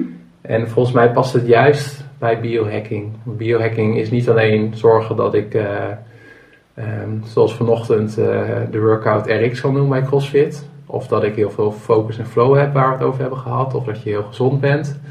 Maar juist in dat hele geheel valt juist ook eh, ja, je, je geest is heel erg belangrijk. Ja, absoluut. Ja, ik, eh, ik moet ook zeggen, het is misschien niet voor iedereen de ayahuasca, maar als het je aantrekt en het spreekt je aan, dan is het wel heel erg eh, interessant om je erin te verdiepen. En er zijn ook heel veel andere manieren om dichter bij jezelf te komen. Ik vind het wel een soort deur naar je onderbewustzijn, naar je oude patronen, je gedachten die je hebt over jezelf en over ja, je, misschien je opvoeding of je, je omgeving. Ja, het helpt je wel echt om jezelf daar leren los van te zien. Ja. Meditatie helpt daar ook heel erg bij. Dus Ja, en afgelopen jaar heb ik ook een, eh, en daar ging toen toevallig die lezing waar we net over hadden met, eh, toen ik vijf dagen niet aan het eten was, had ik een lezing wat ging over spiritualiteit, waarin ik heb verteld over ayahuasca, maar ook over, afgelopen jaar heb ik een regre- regressietherapie gehad. En dat is ehm, dat je een reis maakt naar een vorig leven. Dat kan. Of eh, naar eh, dingen in je eigen leven waarvan je nu niet meer bewust bent. Dus zeg maar de periode van 0 tot met eh 3 of 4, nou zoiets. ja, En ja, dat was ook wel heel bijzonder. Dus dat is ook een voorbeeld van. Je hoeft het niet alleen in psychedelische middelen te zoeken, maar je kan het ook vinden in eh, ja, therapeuten. Dus eh, bijvoorbeeld een regressietherapeut. ja, want dat was zonder middelen. was zonder middelen. Ja. Ja. Ja. en een andere ontwikkeling die je ook ziet komen is conscious hacking, consciousness hacking. Dus ik ben wel benieuwd in hoeverre we straks ook technologie hiervoor kunnen gebruiken. Ja, precies. Dat is echt de toekomst ook nog weer. Ja, Ja. Ja, en hetzelfde geldt dan eigenlijk ook voor geluk. Van, ehm, eh, ja, hoe word je gelukkiger eh, met jezelf en, en met je leven? Ehm, want het gaat volgens Martin, eh, die stuurde jou een mail, ook echt om de kleinste dingetjes. Zoals goed slapen, een goed gesprek, een dagboekje bijhouden met dingen opschrijven waar je dankbaar voor bent. Dat doe ik ook elke ochtend, opschrijven waar ik dankbaar voor ben. En hij zegt, ik wens je veel geluk deze maand met je experiment. Volgens mij ging dat ook over geluk. ja, Want eh, bij het Ancestral Health Symposium kreeg je ook de vraag: kun je ook fysiologisch meten eh, dat je gelukkig bent? Of in ieder geval hè, zijn er al technieken om dus te kunnen achterhalen hoe je, wanneer je gelukkig bent. Dus dat sluit er ook wel weer mooi bij aan. ja.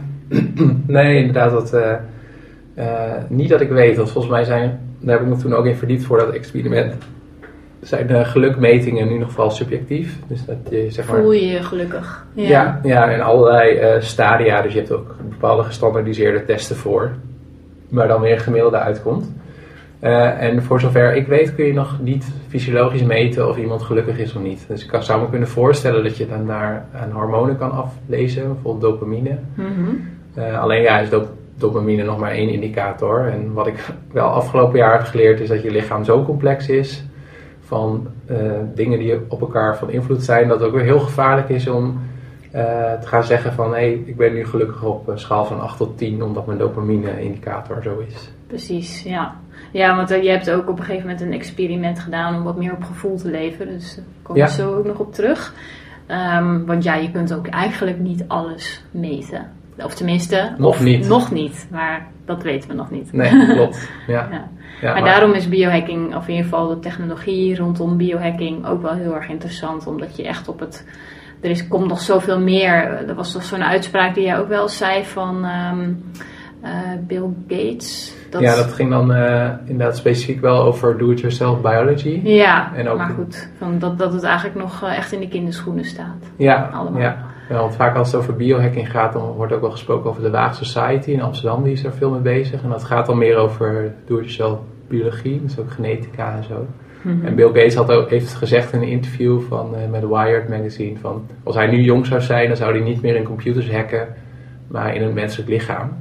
En dat iemand anders ook zei van nou ja, als je kijkt eh, zoals computers waren in de jaren 60, zo zijn we nu, zover zijn we nu met deze technologie. Ja, Dus als al deze dingen die je net in deze podcast hebt gehoord al gek zijn, dan you ain't seen nothing yet. ja, precies. Over 50 jaar dan, dan eh, zijn we al een beetje, een beetje op weg. Zeg Ja. Maar, ja.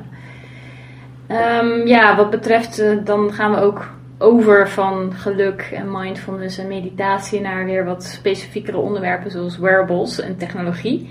Ehm, ja, wat zou je aanraden qua wearables? Je hebt natuurlijk eh, heel wat getest ook op je blog. Ehm, Ja, klopt. Ik, ehm, ik had inderdaad als vraag gekregen van Lianne en van Ben. ja, En ik zou sowieso beginnen met het meten van je, smart, met, met je smartphone. Dus bijvoorbeeld als je beweging wil meten, dan heb je ook eh, Moves of Human. Ja, want uit eh, onderzoek in 2015 is gebleken dat eh, activity trackers op je smartphone dat die nauwkeuriger zijn. En van alle activity trackers die ik heb getest, dus de Jawbone, Nike Fuel Band, de Garmin VivoFit en de Fitbit en nog, nog een aantal, zou ik de Fitbit eh, testen. Die is op dit moment wel een beetje marktleider. En eh, ja, dat vond ik ook gewoon een heel fijn apparaat. En ehm, Ben had een vraag over specifiek eh, zijn beweging meten tijdens een voetbalwedstrijd. En dan zou ik kijken naar de Misfit. Want het voordeel van de Misfit is dat je hem ook op verschillende plekken kan dragen. Dus hij zou hem bijvoorbeeld dan ook tussen zijn veters kunnen doen. Dus dan heb je er minder last van als je eh, voetbal aan het spelen bent. Ja, precies. Ja, want zo'n bandje die moet je toch altijd omhouden. En eh, hij, die, ja, zo'n Fitbit kan ook afgaan, Ja, losgaan als je op de grond eh, een een- sliding maakt of ja zo. zeker in een contactsport. Ja, precies. Ja, en, en ehm, met die wearables is het voor jou eigenlijk ook echt begonnen ooit. Ja. wearables, maar eigenlijk met je sporthorloge. En, en hardlopen en daar je, ja, je hartslag en je afstand en dat soort dingen meten. Ehm, en eh, Kelly die vraagt ook over jouw polarhorloge. Van is dat nog steeds een aanrader? Of heb je andere tips? En ehm, ja, wat voor, een, voor een hart, wat voor een hartslagmeter draag jij? Ehm, Ja, ik draag zelf een ehm, Wahoo Ticker, een hartslagband. Want die gebruik ik ook voor, eh, want er zit Bluetooth in, smart Bluetooth. Dus die kan ook communiceren met bepaalde apps die ik op mijn eh, telefoon gebruik. Eh, maar ik heb inderdaad een aantal eh, sporthorloges getest en ik vind de Polar M400 vind ik echt een prima mid-range eh, sporthorloge. Dus als je wat meer budget hebt, zou ik ook kijken naar, naar andere horloges van Polar. Ik vind Garmin en Polar wel redelijk vergelijkbaar qua functionaliteit. Ehm Sunto moet ik nog testen, dat is ook een Fins, merk. En die hebben wat betere GPS-functie, al zijn de laatste versies daarvan weer wat minder. Ehm, maar wat ik bij allemaal heb, is van dat ik ook wel hun eh, app- en webinterface heel slecht vind. Dus als je het gewoon voor je. Dus wat ik vaak doe, is dat ik het koppel aan eh, platformen zoals eh, Strava bijvoorbeeld. Ja, precies. Ja, ja. ja en, en met die Wahoo Ticker kan je naast je hartslag meten ehm, ook je HRV, dus je hartritmevariabiliteit meten. Daar heb je ook heel veel over geschreven en ben je ook veel mee bezig geweest. Ehm, Fred eh, die vraagt ook daarover. ehm, je kunt eh, het meten echt met meetapparatuur, ehm, maar het kan ook met apps. Maar wat is het verschil daar eigenlijk tussen? Hij, hij twijfelt of eh, zo'n sensor op je camera, op je mobiel wel net zo zuiver is als een meting met een hartslagband. Ja, klopt. In het artikel ehm, heb ik ook wel een duidelijk onderscheid gemaakt, ook op basis van wat je wil en wat je budget is. Ehm, dus je kan gewoon beginnen met een app van 4 dollar die je, op- die je gebruik maakt van je camera. En daar leg je je vinger op en dan wordt gekeken naar je hartslag. Want heel kort, hartsla- hartritmevariabiliteit is eigenlijk de variatie die in je hartslag zit. En hoe hoger die variatie, hoe gezonder en ontspannender je bent. Dat klinkt een beetje contra, eh, intuïtief inderdaad. Maar dat heeft ermee mee te maken dat je hart zich aanpast eigenlijk aan de externe factoren. Dus je ademhaling of kou, et cetera. Dus hoe beter je in tune bent met je omgeving, hoe meer ontspannen je bent, hoe hoger je hartritmevariabiliteit. En je kan dus beginnen met zo'n app. En op het moment dat je dat een interessante technologie vindt, of een interessante biomarker. Mark Sissel heeft bijvoorbeeld ook gezegd dat het wat hem betreft de allerbeste biomarker is die er is, omdat die ook non-invasief is. Je hoeft geen bloed te prikken of zo, maar je, ja, je hebt alleen een borstband nodig. Of dus een M-Fit, eh, M-Wave bedoel ik, die, die op je oor klikt. Dus je hebt daar ook gewoon een heleboel mogelijkheden in wat je wil. Voor ja, mij zo'n M-Wave, dat, dat kost weer 200 euro of zo.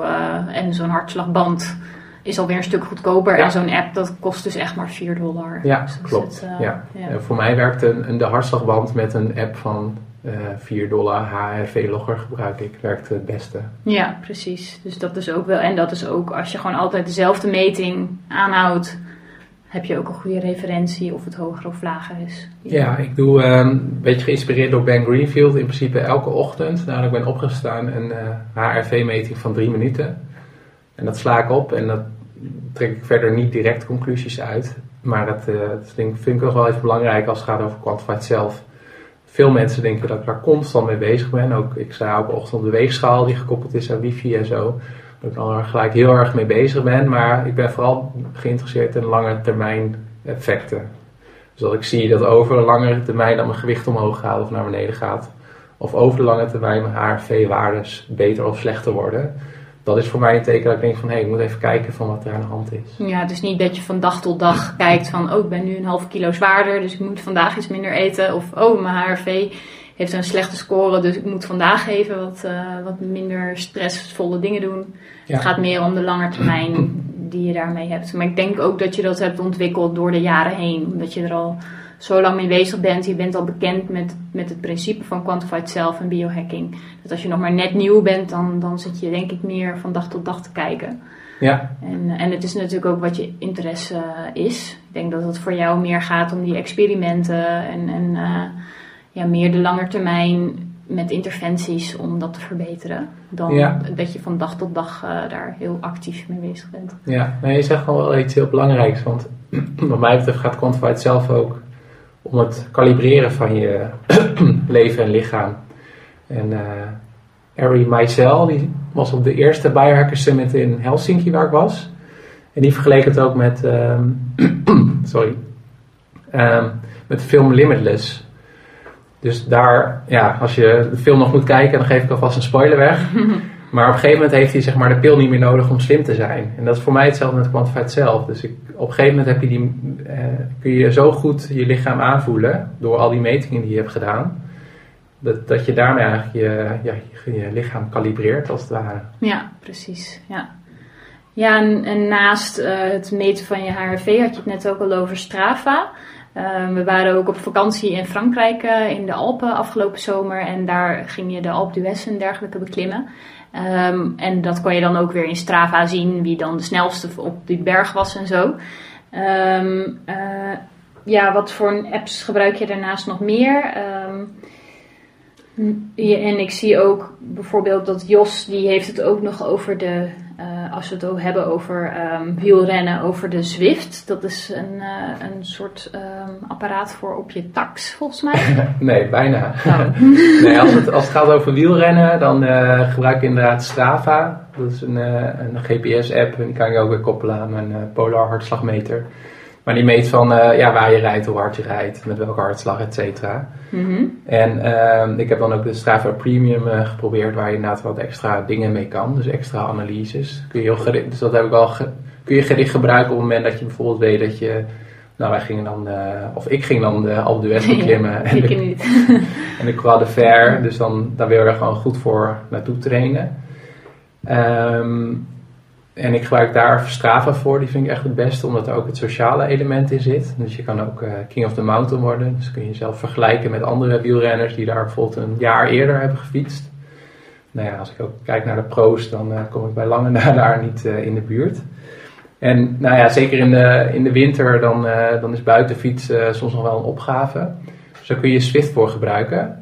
En ik heb zelf een tijdje uh, uh, Wahoo Kicker getest. En dat is een tax. En de tax houdt in dat je ja, je achterwiel zet je of op een uh, weerstand. Of in het geval van die Wahoo Kicker moest ik de, het wiel eruit halen. En ja, werd het aangesloten op een soort van apparaat. En daar, die is dan gekoppeld aan, die kun je koppelen aan een app, maar bijvoorbeeld ook aan Zwift. En Swift is een soort van computerspel. Dus dan ga je ah. fietsen. En op het moment dat je in, in, ja, in het spel ziet dat er een uh, helling aankomt, dan uh, communiceert hij met uh, de Wahoo Kicker in dit geval. En dan gaat hij hem zwaarder zetten. Dus dan heb je echt de, weerstand. Dus kun je ook virtueel Alpe en dat soort dingen beklimmen. Dat kan trouwens weer niet met Swift.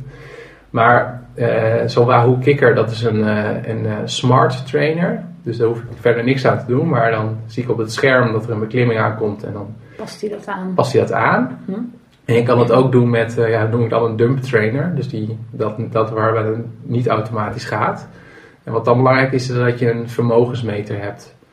die je dan ook weer kan koppelen aan het programma Swift. En dan als het dan zegt, krijg je een melding van oké, je moet nu je weerstand handmatig vergroten omdat er nu een helling aankomt. Dus dat is eigenlijk het, uh, het verschil.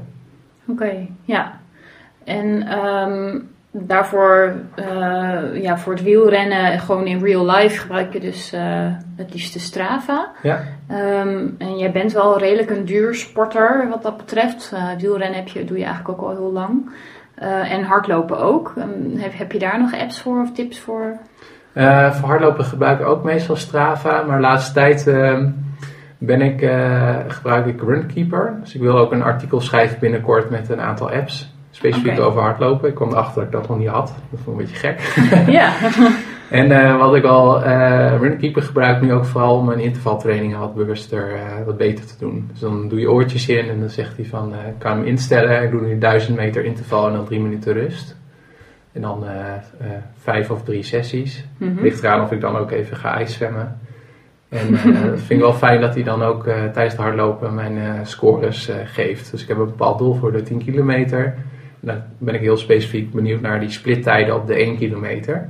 En als dat, als dat op een bepaald niveau zit, 4,20, dan weet ik dat ik ook klaar ben om een 10 kilometer te lopen. Want mijn doel is om onder de 45 minuten te, doen, te ja. lopen. Ja, precies. Ja, ja dat is ehm, dan voor dat soort dingen, als je echt een doel hebt, dan is zo'n programma of zo'n app wel heel handig. Als je, ik denk dat dat wel de reden is om zo'n app te gebruiken. Als je gewoon een, lekker een rondje wil hardlopen, dan is de reden om zo'n, uh, ja, dan kun je wel kijken hoe hard je rent misschien. Maar een doel helpt heel erg, denk ja. ik, om, uh, ja, om het te blijven doen, om het te blijven gebruiken. Ja, ja dat geldt eigenlijk voor alles wat ik rond Quantified zelf doe. Dus een aantal metingen die ik doe, die, die, die kosten mij geen moeite en die doe ik altijd. Dus waarom zou ik dat niet doen? Dus gewicht en slapen en dat soort dingen. En dan per project dat ik doe, kijk ik gewoon heel specifiek wat ik wil meten. En dat is inderdaad wat je zegt van, ja, het hangt altijd wel van een bepaald doel af. Ja, en uh, Richard die zegt ook over persoonlijke data, want je verzamelt natuurlijk heel veel persoonlijke data. Maar um, het, zit allemaal nog in verschillende apps en uh, je hebt allemaal verschillende apparaten en verschillende dingen nodig, wat eigenlijk niet zo heel handig is. En uh, hij zegt van, hij is ook sinds enkele maanden aan het meten. Uh, hij begon met een Fitbit uh, Charge. Uh, daarnaast heeft hij ook apps um, en hij houdt ook nog stress en dat soort dingen bij. Um, maar hij zegt alles komt bij mij uiteindelijk samen in de Apple Health Kit. En um, ja, hoe, hoe, doe jij dat? Al die verschillende apps en verschillende apparaten, doe je, verzamel jij het ook in één ding? Of, of, of heb je daar een weg in gevonden? Nou, dat verschilt ook een beetje per experiment. Soms, uh, ik kijk ook altijd wel als ik een app heb of, die, of je die data ook kan exporteren. Dus dan kan ik hem in Google Drive uh, zetten en dan ook met andere data vergelijken. Ik uh, doe het, gooi het zelf ook inderdaad in Apple Health Kit. Want in Apple Health Kit kun je nu nog echt zien als een soort van kluis. Dus daar komt alles binnen, maar daar worden nog geen analyses op gedaan. En volgens mij is dat wel echt de volgende stap van Quantified zelf. Dus het is nu allemaal prachtig dat je al die metingen kan doen. Veel mensen lopen er tegenaan van wat kun je er nou mee? Ik heb ook een aantal platformen getest. Door middel van API kun je die koppelen, bijvoorbeeld aan je Fitbit of andere tools. Dan moet je denken aan Fluxstream of Xenobase. Uh, die staat ook nog op de planning om daar een stuk over te schrijven. Want het zijn echt platformen die zich specialiseren in van hoe kun je nou die data die je allemaal verzamelt aan elkaar relateren en wat voor, ja, wat voor opties of wat voor advies kun je daarover geven. -hmm. Precies, ja. Dus dat, dat is echt nog wel een volgende stap. Daar zijn we nu nog niet. Want, dat zijn we nu nog nee. niet, nee. En de vraag is natuurlijk ook van wie is die data? Dat is ook... Uh... Ja, dat is inderdaad wel een voorbeeld wat ik vaak ook tijdens lezingen gebruik. Dan uh, ben ik heel enthousiast erover. Uh, en zoals nu hebben we het helemaal in het begin gehad over Moves. Dat is een app die een aantal stappen meet. En Moves is ook bijvoorbeeld een onderdeel van, van Facebook. Of, Precies, ja een aantal vragen gekregen over uh, ook uh, mijn genenanalyse met 23andMe. Mm -hmm. Dat is echt super interessant, want er komen, ik ben er nog net in begonnen om er daar meer in te verdiepen. Maar een van de dingen waar ik achter kwam is bijvoorbeeld dat ik een snelle cafeïneverbrander ben. Um, dus dat ik relatief gezien laat op de dag ook nog cafeïne kan, koffie kan drinken zonder dat het effect heeft op mijn slaap, omdat mijn lichaam dat snel kan afbreken. Maar ook uh, bijvoorbeeld dat ik lactose tolerant ben, dus dat ik ook gewoon zuiver kan eten. Zuiver ja. kan eten. Ja. Maar ja, volgens mij uh, dat is uh, zo'n interessant vakgebied. Alleen 23 Me is ook voor een deels heeft Google daarin geïnvesteerd. Dus het is wel, ja, van wie is de data? Heel Ja. interessant. Dus zelfs Google weet jouw DNA. Ja. Dat, eh, ja. En, en de- dat zit ook wel op, ja, op het gebied van biohacking eh, en eh, DNA en, en eh, de toekomst van quantified self en dergelijke. Dan komen we ook misschien meer bij kunstmatige, kunstmatige intelligentie, do-it-yourself biology. Dus bijvoorbeeld eh, ehm, Nicole die geeft een aantal voordelen, al, voorbeelden zoals eh, zelfhelend biobeton, airbag, airbags van zeevissen, fasen van niercellen. Eh, nou ja, bijvoorbeeld ook dat eh, ehm, kweekvlees, eh, die kweekburger van Mark Post, dat soort dingen, dat, dat is echt een beetje de toekomst. Ehm, en kunstmatige intelligentie ook bijvoorbeeld, dat echt uiteindelijk de computers misschien nog wel slimmer worden dan wij. Maar daar zijn ook heel veel reacties op, op jouw blog. Bijvoorbeeld ene Branderhorst die zegt larikoek. Het is misschien een leuke attractie voor in de Efteling. maar iemand anders die zegt ook, John, die vraagt wat, wat is nou de next eh, big thing eh, op het gebied van al die, die nieuwe technologie. Ja. ja, dat is de billion dollar question. Hè? ja, Maar als ja, je dat weet, dan... eh, dan ben je binnen. Maar Ja. ja, alle, want ik was ook op de Singularity University in the Netherlands Summit. Daar met een aantal mensen gesproken, onder andere met Chris Verburg. Dat ging dan specifiek over gezondheidszorg. Maar ook met Neil Jacobstein, daar heb ik ook een vloginterview mee gehouden. Ja, en alle experts zijn wel echt lyrisch over, of lyrisch. Die verwachten wel gewoon een heleboel van kunstmatige intelligentie. En ju- ik vind het juist zo interessant van ook de, noemen ze singulariteit. Dus wat is ook het eh, effect van al deze ontwikkelingen met elkaar gecombineerd. Dus je hebt straks al die quantified self data, omdat we steeds meer sensortechnologie hebben. Dus niet alleen van jezelf, maar ook van andere dingen. En ja, kun je dan ook een, iets gebruiken wat veel slimmer is dan menselijke intelligentie, om daar weer analyses uit op te halen. En als je dat dan ook combineert met dingen zoals 3D printen of 3D bioprinten, waar we ook een meetup over hebben gehad, dan eh, zijn er nog zoveel spectaculaire dingen die gaan komen. mhm. En wat ik dan wel hele leuke vond van het interview met Maarten en Braber, is dat hij ook zegt van de snelheid van deze nieuwe ontwikkelingen wordt vaak overschat. Dus we verwachten dat we al binnen no time eh, drones hebben die eh, pakketjes bezorgen of zelfrijdende auto's. Alleen de impact wordt onderschat. Want als je nadenkt over als we straks drones hebben of 3D printers thuis die dingen voor ons kunnen printen, dan heeft dat zo'n impact op het eh, ja, vervoerssysteem of eh, winkelen, winkels Ja. in het algemeen, of gewoon een hele, hele, hele samenleving, hoe Ja. het nu in elkaar zit. ja, Ja. Dus dat, eh, dat is wel spectaculair. Of zelfrijdende auto's heb je dan bijvoorbeeld ook nog eh, lantaarnpalen nodig, ik noem maar wat. Of eh kijk op een heel ja. andere manier naar het file, fileprobleem. Ja. Dus ja, wat is de next big thing? Ik denk al die dingen, kunstmatige intelligentie, nanotechnologie, 3D printen, quantified self. Ehm, ja, alles. En, en word je daar dan soms als mens ook niet een beetje depressief van? Dat je denkt, wat kunnen wij als mensen dan nog toevoegen? Ehm, ja, wij zijn allebei natuurlijk blogger. Nieuwe, of ja, de technologie is heel erg belangrijk. eh, maar wat als de computers het uiteindelijk allemaal van ons overnemen? Wat, wat voegt de mens dan nog toe? Ja, dat is echt een super boeiende. Van, eh, dat gaat ook vaak over kunstmatige intelligentie, gaat dat de wereld vernietigen. En ik denk dat, eh, daar had ik ook ehm, een gesprek over met Jury van Geest eh, van de Singularity University. Dat juist die menselijke waarden worden veel belangrijker. Dus ik denk dat zeker bloggers, dus dat je, of überhaupt mensen die zeg maar een soort van ordening kunnen aanbrengen of dingen kunnen duiden, of eh, dat dat wel gewoon belangrijk eh, blijft. Maar op een gegeven moment ja, is er misschien ook een computer die betere blogs kan schrijven dan wij. Dat moet je ook niet uitsluiten. Nee. En daarom, moet je dan, daarom zijn er ook mensen die nu aan het nadenken zijn over het basisinkomen bijvoorbeeld. Dus, eh, dus menselijke waarden blijven denk ik wel belangrijk. Dus ook elkaar ontmoeten, compassie, ehm, ook het ja, verschillende concepten in je hoofd hebben. Want kunstmatige intelligentie is nu nog vooral goed op één specifiek ding. Dus Google is heel goed in eh, zoekmachine eh, resultaten. En dingen in je auto die zijn heel goed voor eh, ja, bijvoorbeeld je, je banden op het juiste niveau houden. Mhm. Maar echt het, het lateraal denken van wat wij als mens kunnen, of dat uh, diffu- diffuus denken waar we in het begin eh, over hadden, dat is iets wat wij als mens kunnen en ook de menselijke interactie blijft ook gewoon heel belangrijk. daarin moeten we dan ook heel veel weer teruggrijpen op al die evolutionaire dingen waar we het over hebben gehad. Ja, precies. Ja. ja, dus die combinatie, er is wel een soort van frictie tussen mens en natuur, maar uiteindelijk hebben ze ook allebei uh, voor- en nadelen, denk ik. Ja, en ik, uh, gewoon een leuk, leuk voorbeeld. Ik was uitgenodigd voor het ministerie van Justitie, het Openbaar Ministerie, voor een uh, strategische dialoogsessie. En toen ging het op een gegeven moment ook over inderdaad natuur versus mens. En toen al, vertelde ik ook van ja, de, de beste schaker op dit moment is niet een mens en ook geen computer, maar juist de combinatie. En dat is ook wat je uh, veel hoort van technologiedenkers. Van we moeten steeds meer, veel meer met computers gaan werken in plaats van ze te zien als vijand. Ja, precies. Ja, oké, interessant. Um, ja, we kunnen daar natuurlijk nog veel meer over uh, vertellen. Um, maar laten we verder gaan naar het volgende onderwerp. En dat is um, uh, meer beweging.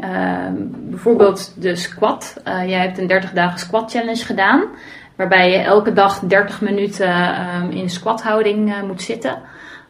maar dat mag je dan wel verdelen over de dag, die 30 minuten. Um, en Thibaut die zegt ook op jouw blog, um, hij is dan begonnen met de grok squat, zoals Mark Sisson het noemt. Uh, hij vond het moeilijk om twee minuten überhaupt vol te houden, maar grappig genoeg uh, is het juist in heel veel, heel veel landen, waaronder ook meer in Azië en dergelijke, juist een hele normale houding om te ontspannen. Um, ja, hoe, hoe zie jij dat bijvoorbeeld, dat squatten? Is dat iets wat je dan nu nog steeds doet? Of zie je dat dan meer als een leuke test voor 30 dagen uh, om het gewoon eens te testen? Ja, dat is iets wat ik nog steeds doe. Dus niet voor 30 minuten. Maar ga tijdens tanden poetsen, dus ochtends en s avonds, probeer ik wel altijd in de squat te zitten. Dus heb je al twee keer twee minuten. En uh, als ik uh, met uh, de bus of met de trein reis, dan ga ik ook altijd staan. Dus dan levert soms nog wel wat rare blikken op van de buschauffeur die dan zegt van, moet je er al zo uit of zo? Ja. En dan zeg ik van, nou, ik zit al genoeg gedurende de dag.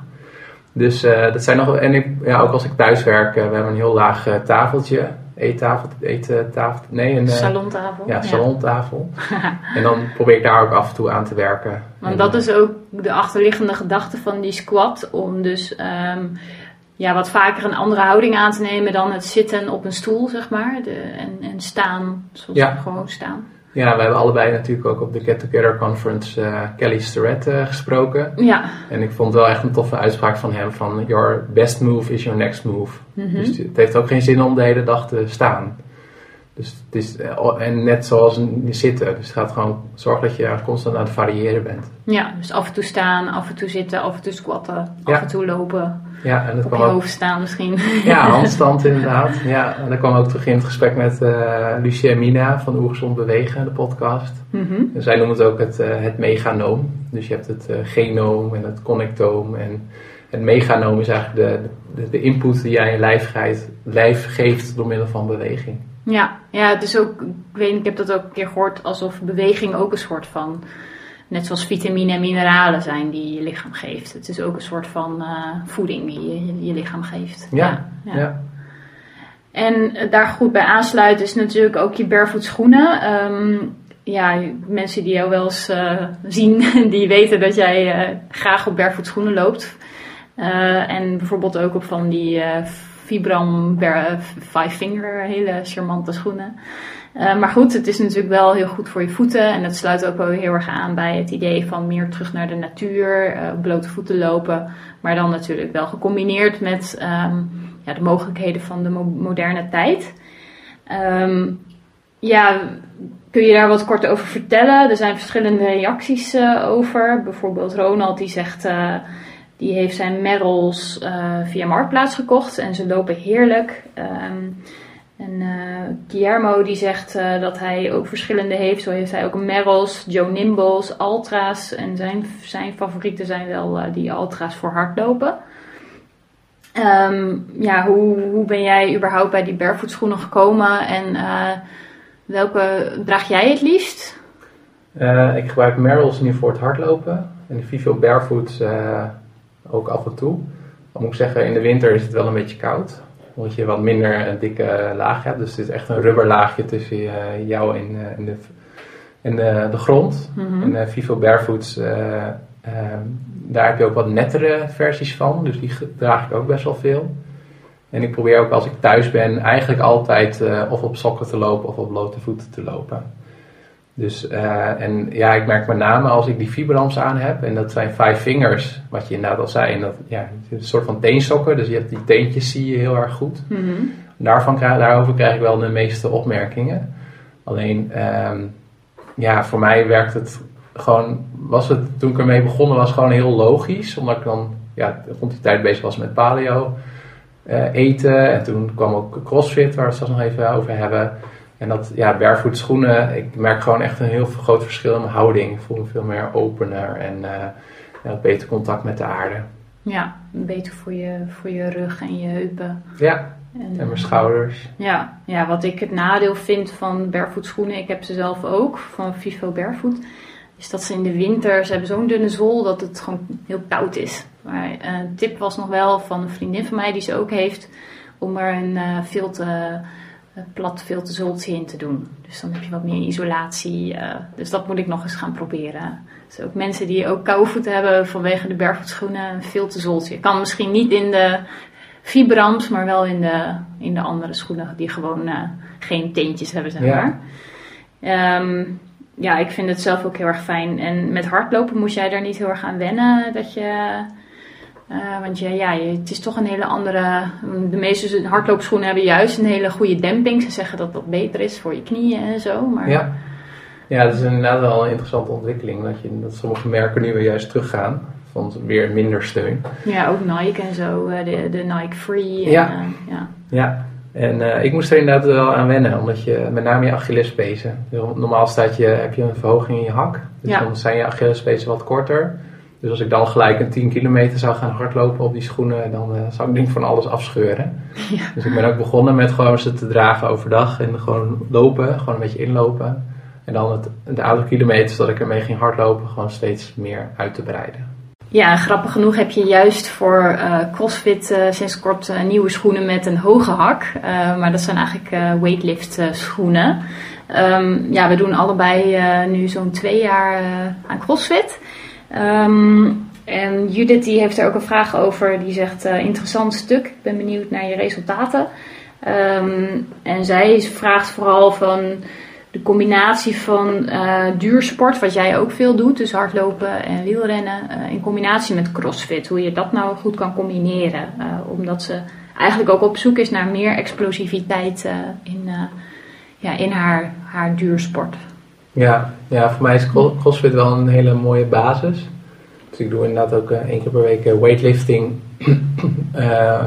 trainingen. En crossfit zorgt eigenlijk ook wel dat ik ja, met hardlopen train je wel één specifieke beweging of je hart-longen capaciteit. En het mooie, het mooie van CrossFit is dat je dus vaak wordt uitgedaagd door de korte workouts om ook heel explosief te trainen. We hebben al eerder gehad over de nut van intervaltrainingen. Dat is gewoon heel goed voor je op paal houden van je VO2 max, dus je hart- en longcapaciteit. Dus eigenlijk als je gewoon de reguliere CrossFit workouts volgt, dan word je al heel goed getriggerd eigenlijk in die allround uh, bewegingen. Dus dan hou je je lichaam overal soepel. Dus je kan wel goed worden, willen worden in hardlopen. Maar ik probeer ook een overal goede atleet te zijn. Dus ook die ook een handstand kan, maar die ook gewoon een goede squat kan of een uh, deadlift. En daarnaast uh, zit vanwege het karakter van CrossFit, van constant gevarieerd intense workouts, zorg eigenlijk ook dat je je intensiteit traint. Dus dat je die intervaltrainingen meepakt. Ja, want um, zoals je ook afgelopen zomer naar uh, Frankrijk uh, zijn gegaan, heb jij wel regelmatig gewielrend uh, van tevoren. Maar ondertussen deed je ook gewoon veel crossfit workouts. om, om, omdat je daar eigenlijk ook je, ja, je conditie mee traint, toch? Ja. Of zie ik dat verkeerd? Nee, klopt. Dus in het specifieke geval van wielrennen Um, kwam ik erachter van alleen CrossFit werkt niet. Dus, misschien, dus ja, soms, Je naar mijn mening, wordt het wel als een soort van heilige graal gezien. Maar dat is ook niet, echt, echt niet zo. Dus als je gewoon goed wil wielrennen of hardlopen, moet je dat ook vooral doen. één of twee keer per week. Liever dan nog twee keer per week, afhankelijk van je doelen. En daarnaast is CrossFit wel gewoon een hele goede basis om je conditie gewoon omhoog uh, te krijgen. Ja, ja ik doe zelf uh, ook uh, crossfit, um, zo'n twee, drie keer in de week. Um, maar ik, ik, merk dat ik er ook uh, behoefte aan heb om ook wat meer yoga en dat soort dingen ernaast te doen. Omdat ik anders zo stijf ervan wordt. Eh, en jij doet dat denk ik ook wel met hardlopen. Dat je dan eh, ja, de combinatie van eh, eh, kracht en eh, duursport. Ja, Ja. ja. En jij doet dan ook nog meer het Olympisch eh, gewichtheffen erbij. eh. ja meer omdat Ja. ik het gewoon eh, fascinerende sport vind en ik er niet Ja. zo goed in ben. Dus dan probeer ik gewoon één keer per week eh, zo'n training te doen. Ja, ook gewoon bij onze CrossFit box is Ja, dat. klopt, ja. Nee, tof. Ja, dus eigenlijk een combinatie van, van eh, als je het ziet op het gebied van sport, dus barefoots, barefoot schoenen dragen, crossfitten voor variatie. En natuurlijk ook vooral dingen doen die je leuk vindt. Zoals hardlopen en wielrennen, omdat jij dat ook heel erg leuk vindt vooral. Ja, dat is voor jou wel de, manier om eh, fit te blijven. En natuurlijk in je werkdag eh, eh, te variëren in je houding zitten en staan. En eh, dat is denk ik ook eh, wel jouw uitgangspunt. Ja, want toen ik net ging, eh, bij CrossFit kwam, toen zei de Erwin, de trainer, ook van eh, jeetje, het zit je schouders op slot. En je, dat los je niet op door eh, twee of drie keer per week naar CrossFit te gaan. Dus ik probeer ook overdag wat schouderoefeningen te doen. En eh, volgens mij is dat al een stuk beter geworden. Ja, ik, ik weet niet of je foto's hebt gemaakt, maar jouw houding is wel echt veranderd. Dat kan ik me nog wel herinneren. Ja, Ja, maar Ja. misschien ook door de barefoot schoenen en door eh, ja, me er gewoon er bewust van te zijn. ja precies. Ja, een combinatie van beide, denk ik. Ehm, ja, en dan heel wat anders dan sport. Want sport dat zit wel in jouw natuur. eh, tenminste, jij bent altijd wel sportief geweest. We kennen elkaar van eh, de, onze roeivereniging in Groningen. Daar hebben we allebei fanatiek geroeid. Ehm, dus sport dat is van jou, voor jou geen issue. Maar wat voor jou wel een issue is, of een issue, ehm, is het extraverter worden. Jij hebt een keer een, eh, een experiment gedaan ook om elke dag iemand aan te spreken. Volgens mij was dat. Ja, dat is precies een jaar geleden. Eh, Oké, dat was in januari. ja, 2016. Grappig. Ehm, ja, en, en eh, Hendrik die schrijft ook bij dat artikel over eh extraverter worden. Interessant experiment, Peter. Ehm, en hij vergelijkt in, introver, ja, introvers, intro, introverte mensen met introversion van Jung. Dat is volgens mij nog weer wat anders. Ja. Ik weet niet precies hoe dat zit.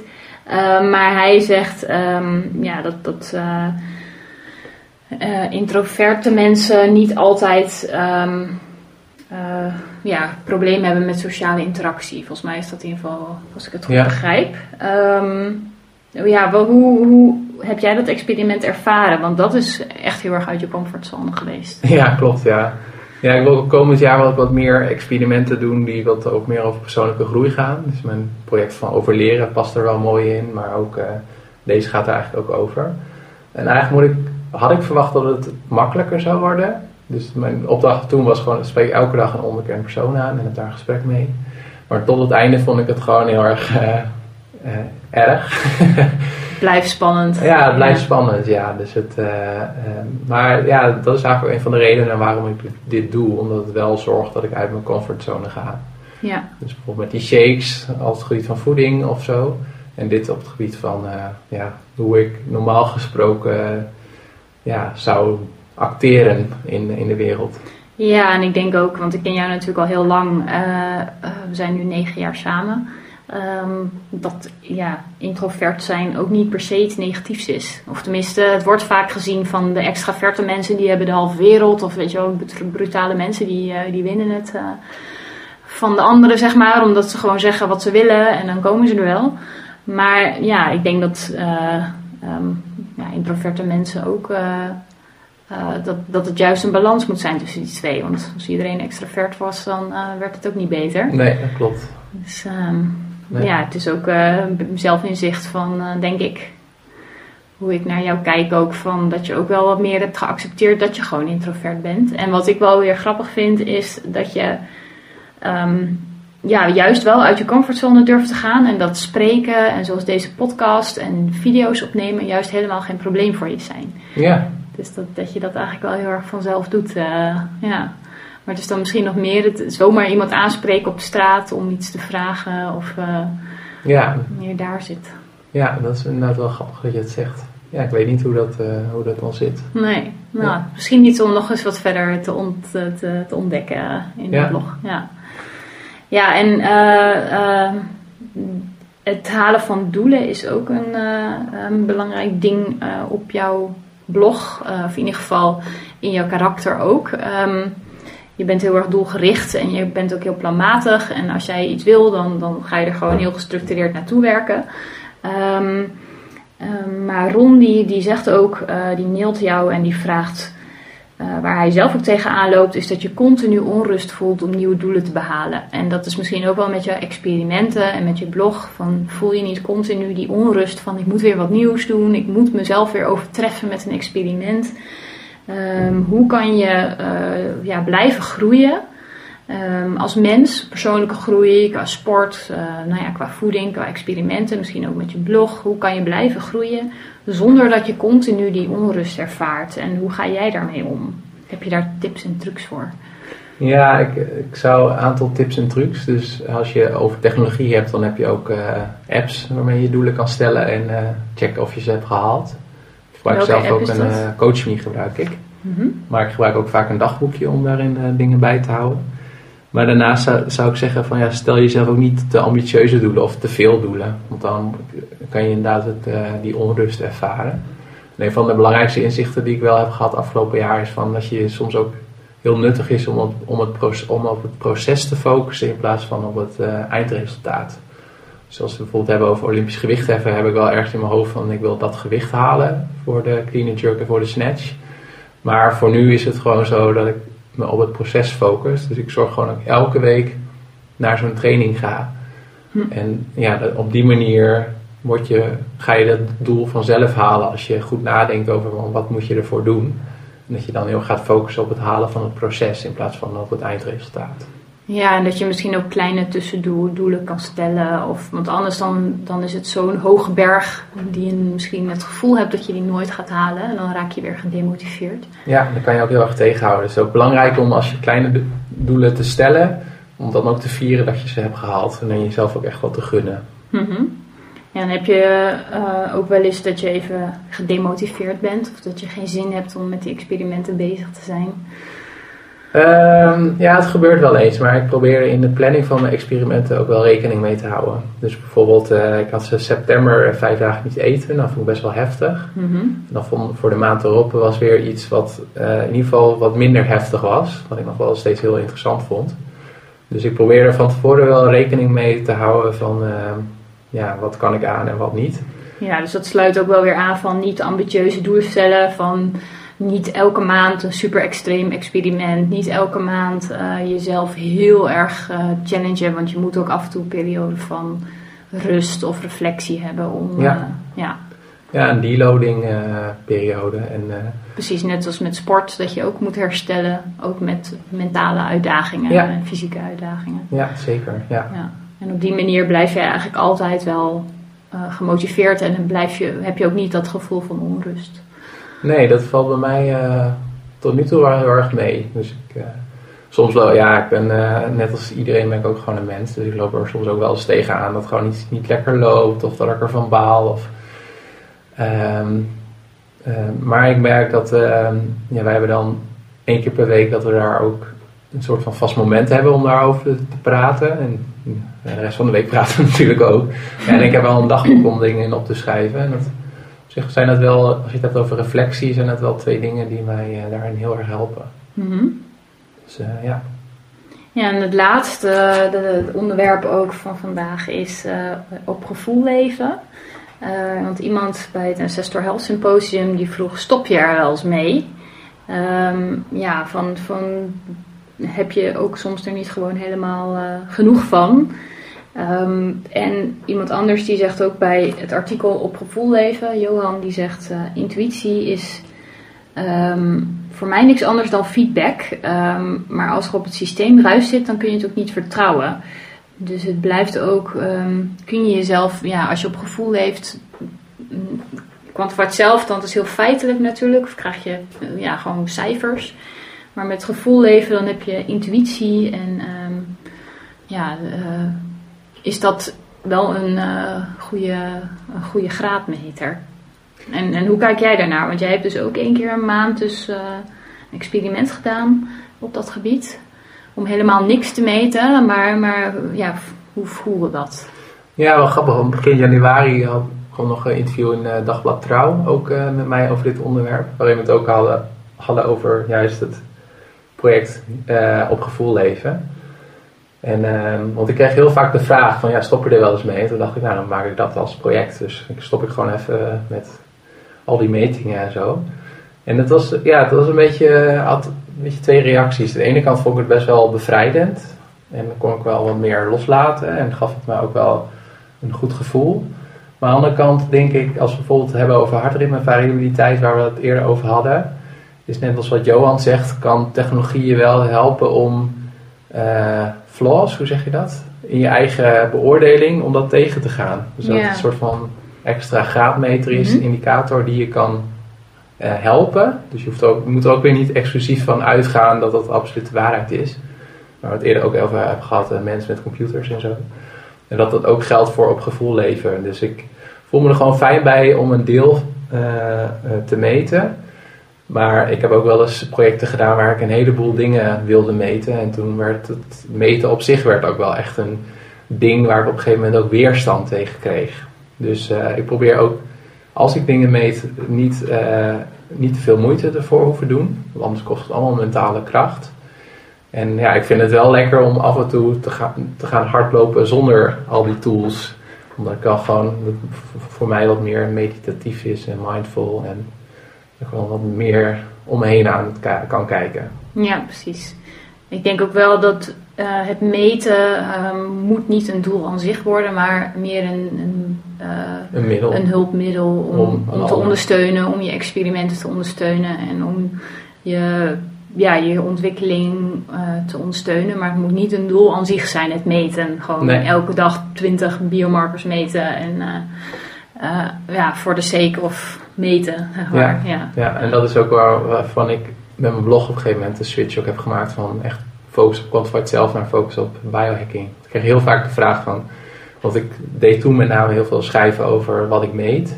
En nog wat minder over van wat doe ik er dan mee. Dus mhm. dat is wel, als ik zo terugkijk, dan is dat wel een van de interessante ontwikkelingen. Dus van meer quantified zelf naar ook het, het gebruik van die data en uh, uh, advies, analyses. Ja. En dan nu ook de volgende stap is denk ik ook wel meer, wat meer op persoonlijke groei. En ja, het fijne van een uh, blog of podcast of vlog is dat je daar ook gewoon heel flexibel in bent. Precies, ja. Ik ben zelf begonnen met paleo. Paleo blog eigenlijk. Paleo recepten, paleo tips. Maar voor mij werd het ook uiteindelijk steeds breder en minder zwart-wit. En ik ben daar ook in uh, veranderd inderdaad. Maar dat is het leuke van een blog. Dat is heel flexibel. Uh, want heb jij ook nog, uh, om, uh, om ook de podcast af te sluiten, um, ja, nog uh, iets gehad waarvan je echt zegt van dat, dat moet iedereen een keer doen of moet iedereen een keer proberen? Als je iets met biohacking of quantified zelf gaat doen, ga dat een keer doen. Nou, als je het leuk vindt, even schaamteloze zelfpromotie. ik heb een gratis mini-cursus, Quantified Self, biohacking en ook drie andere thema's. Dus projectleven.nl kun je het wel bovenin zien. En het staat ook wel in mijn eh, e-book die ik uh, verkoop, ook op de blog. Maar als ik het zo uh, gratis mag weggeven, want deze vraag krijg ik ook heel veel bij het geven van presentaties. Het zijn eigenlijk van het mediteren is voor mij echt wel, echt wel heel belangrijk. En ook het, het, het, koud douchen en af en toe het nemen van ijsbaden. Dat helpt me heel erg veel. Um, het, ja, het, reflectie in, in dagboek en in gesprekken. En als je het hebt over tools, dan heb ik heel veel gehad ook aan hartritmevariabiliteit. Om eigenlijk mijn stressniveau te meten. En ook de kennis uh, op het gebied van uh, trainingszones. En hoe kun je nou effectief trainen als het gaat dan specifiek over duursport. Dus wielrennen en, uh, en hardlopen. Dus dat zijn een aantal dingen die, ik, ja, die me zijn bijgebleven eigenlijk. Ja, dus eigenlijk wel het mediteren om, om je, je geest uh, tot rust te laten komen. Maar je lichaam moet je juist af en toe prikkelen met uh, zoiets als een koude douche. Of uh, een beetje uit je comfortzone ja, af en dat is misschien het allerbelangrijkste. Dus dat het goed is om af en toe te zorgen dat je even van de automatische piloot afgaat. Dus dat je tegen jezelf zegt, oké, okay, ga nu even een maand of een week, maar mij niet uit, geen koffie drinken of alcohol drinken of... Uh, op mijn slaap letten. Gewoon even, uh, want je, ja, je doet zoveel dingen op de automatische piloot. Dat is ook uh, heel goed, want dat, daarmee hou je ook mentale energie vrij om je te focussen op echt belangrijke dingen. Als je bijvoorbeeld denkt aan fietsen of autorijden, dat kost je als het goed is een, De handelingen zelf kosten je Ja. weinig moeite, zeg maar. Ja. Het gaat vanzelf. het gaat ja. vanzelf en dat is heel erg goed. Alleen ik denk, mijn mening is dat het goed is om ook af en toe eh, persoonlijke experimenten te doen en gewoon te kijken of dat voor jou werkt. Ja, want dat is eigenlijk ook jouw conclusie van waarom doe je nou die persoonlijke experimenten? Waarom doe je nou dat biohacking? Eh, dat is dus eigenlijk dat eh, nadenken over wat is je gedrag, wat is je, ja, je, wat is je standaard en hoe kan je dat verbeteren of veranderen. Of misschien is het al goed zoals het is, maar dan weet je dat ook. Ja. Of, ja. Ja, het gaat eigenlijk om zelfkennis. Ja, precies. Ja. Ja. Ja, Leuk, ja. Ehm, ja, wat mij betreft eh, hebben we zo alle vragen gehad en eh, heb ik eh, ook weer een heel, heleboel opgestoken.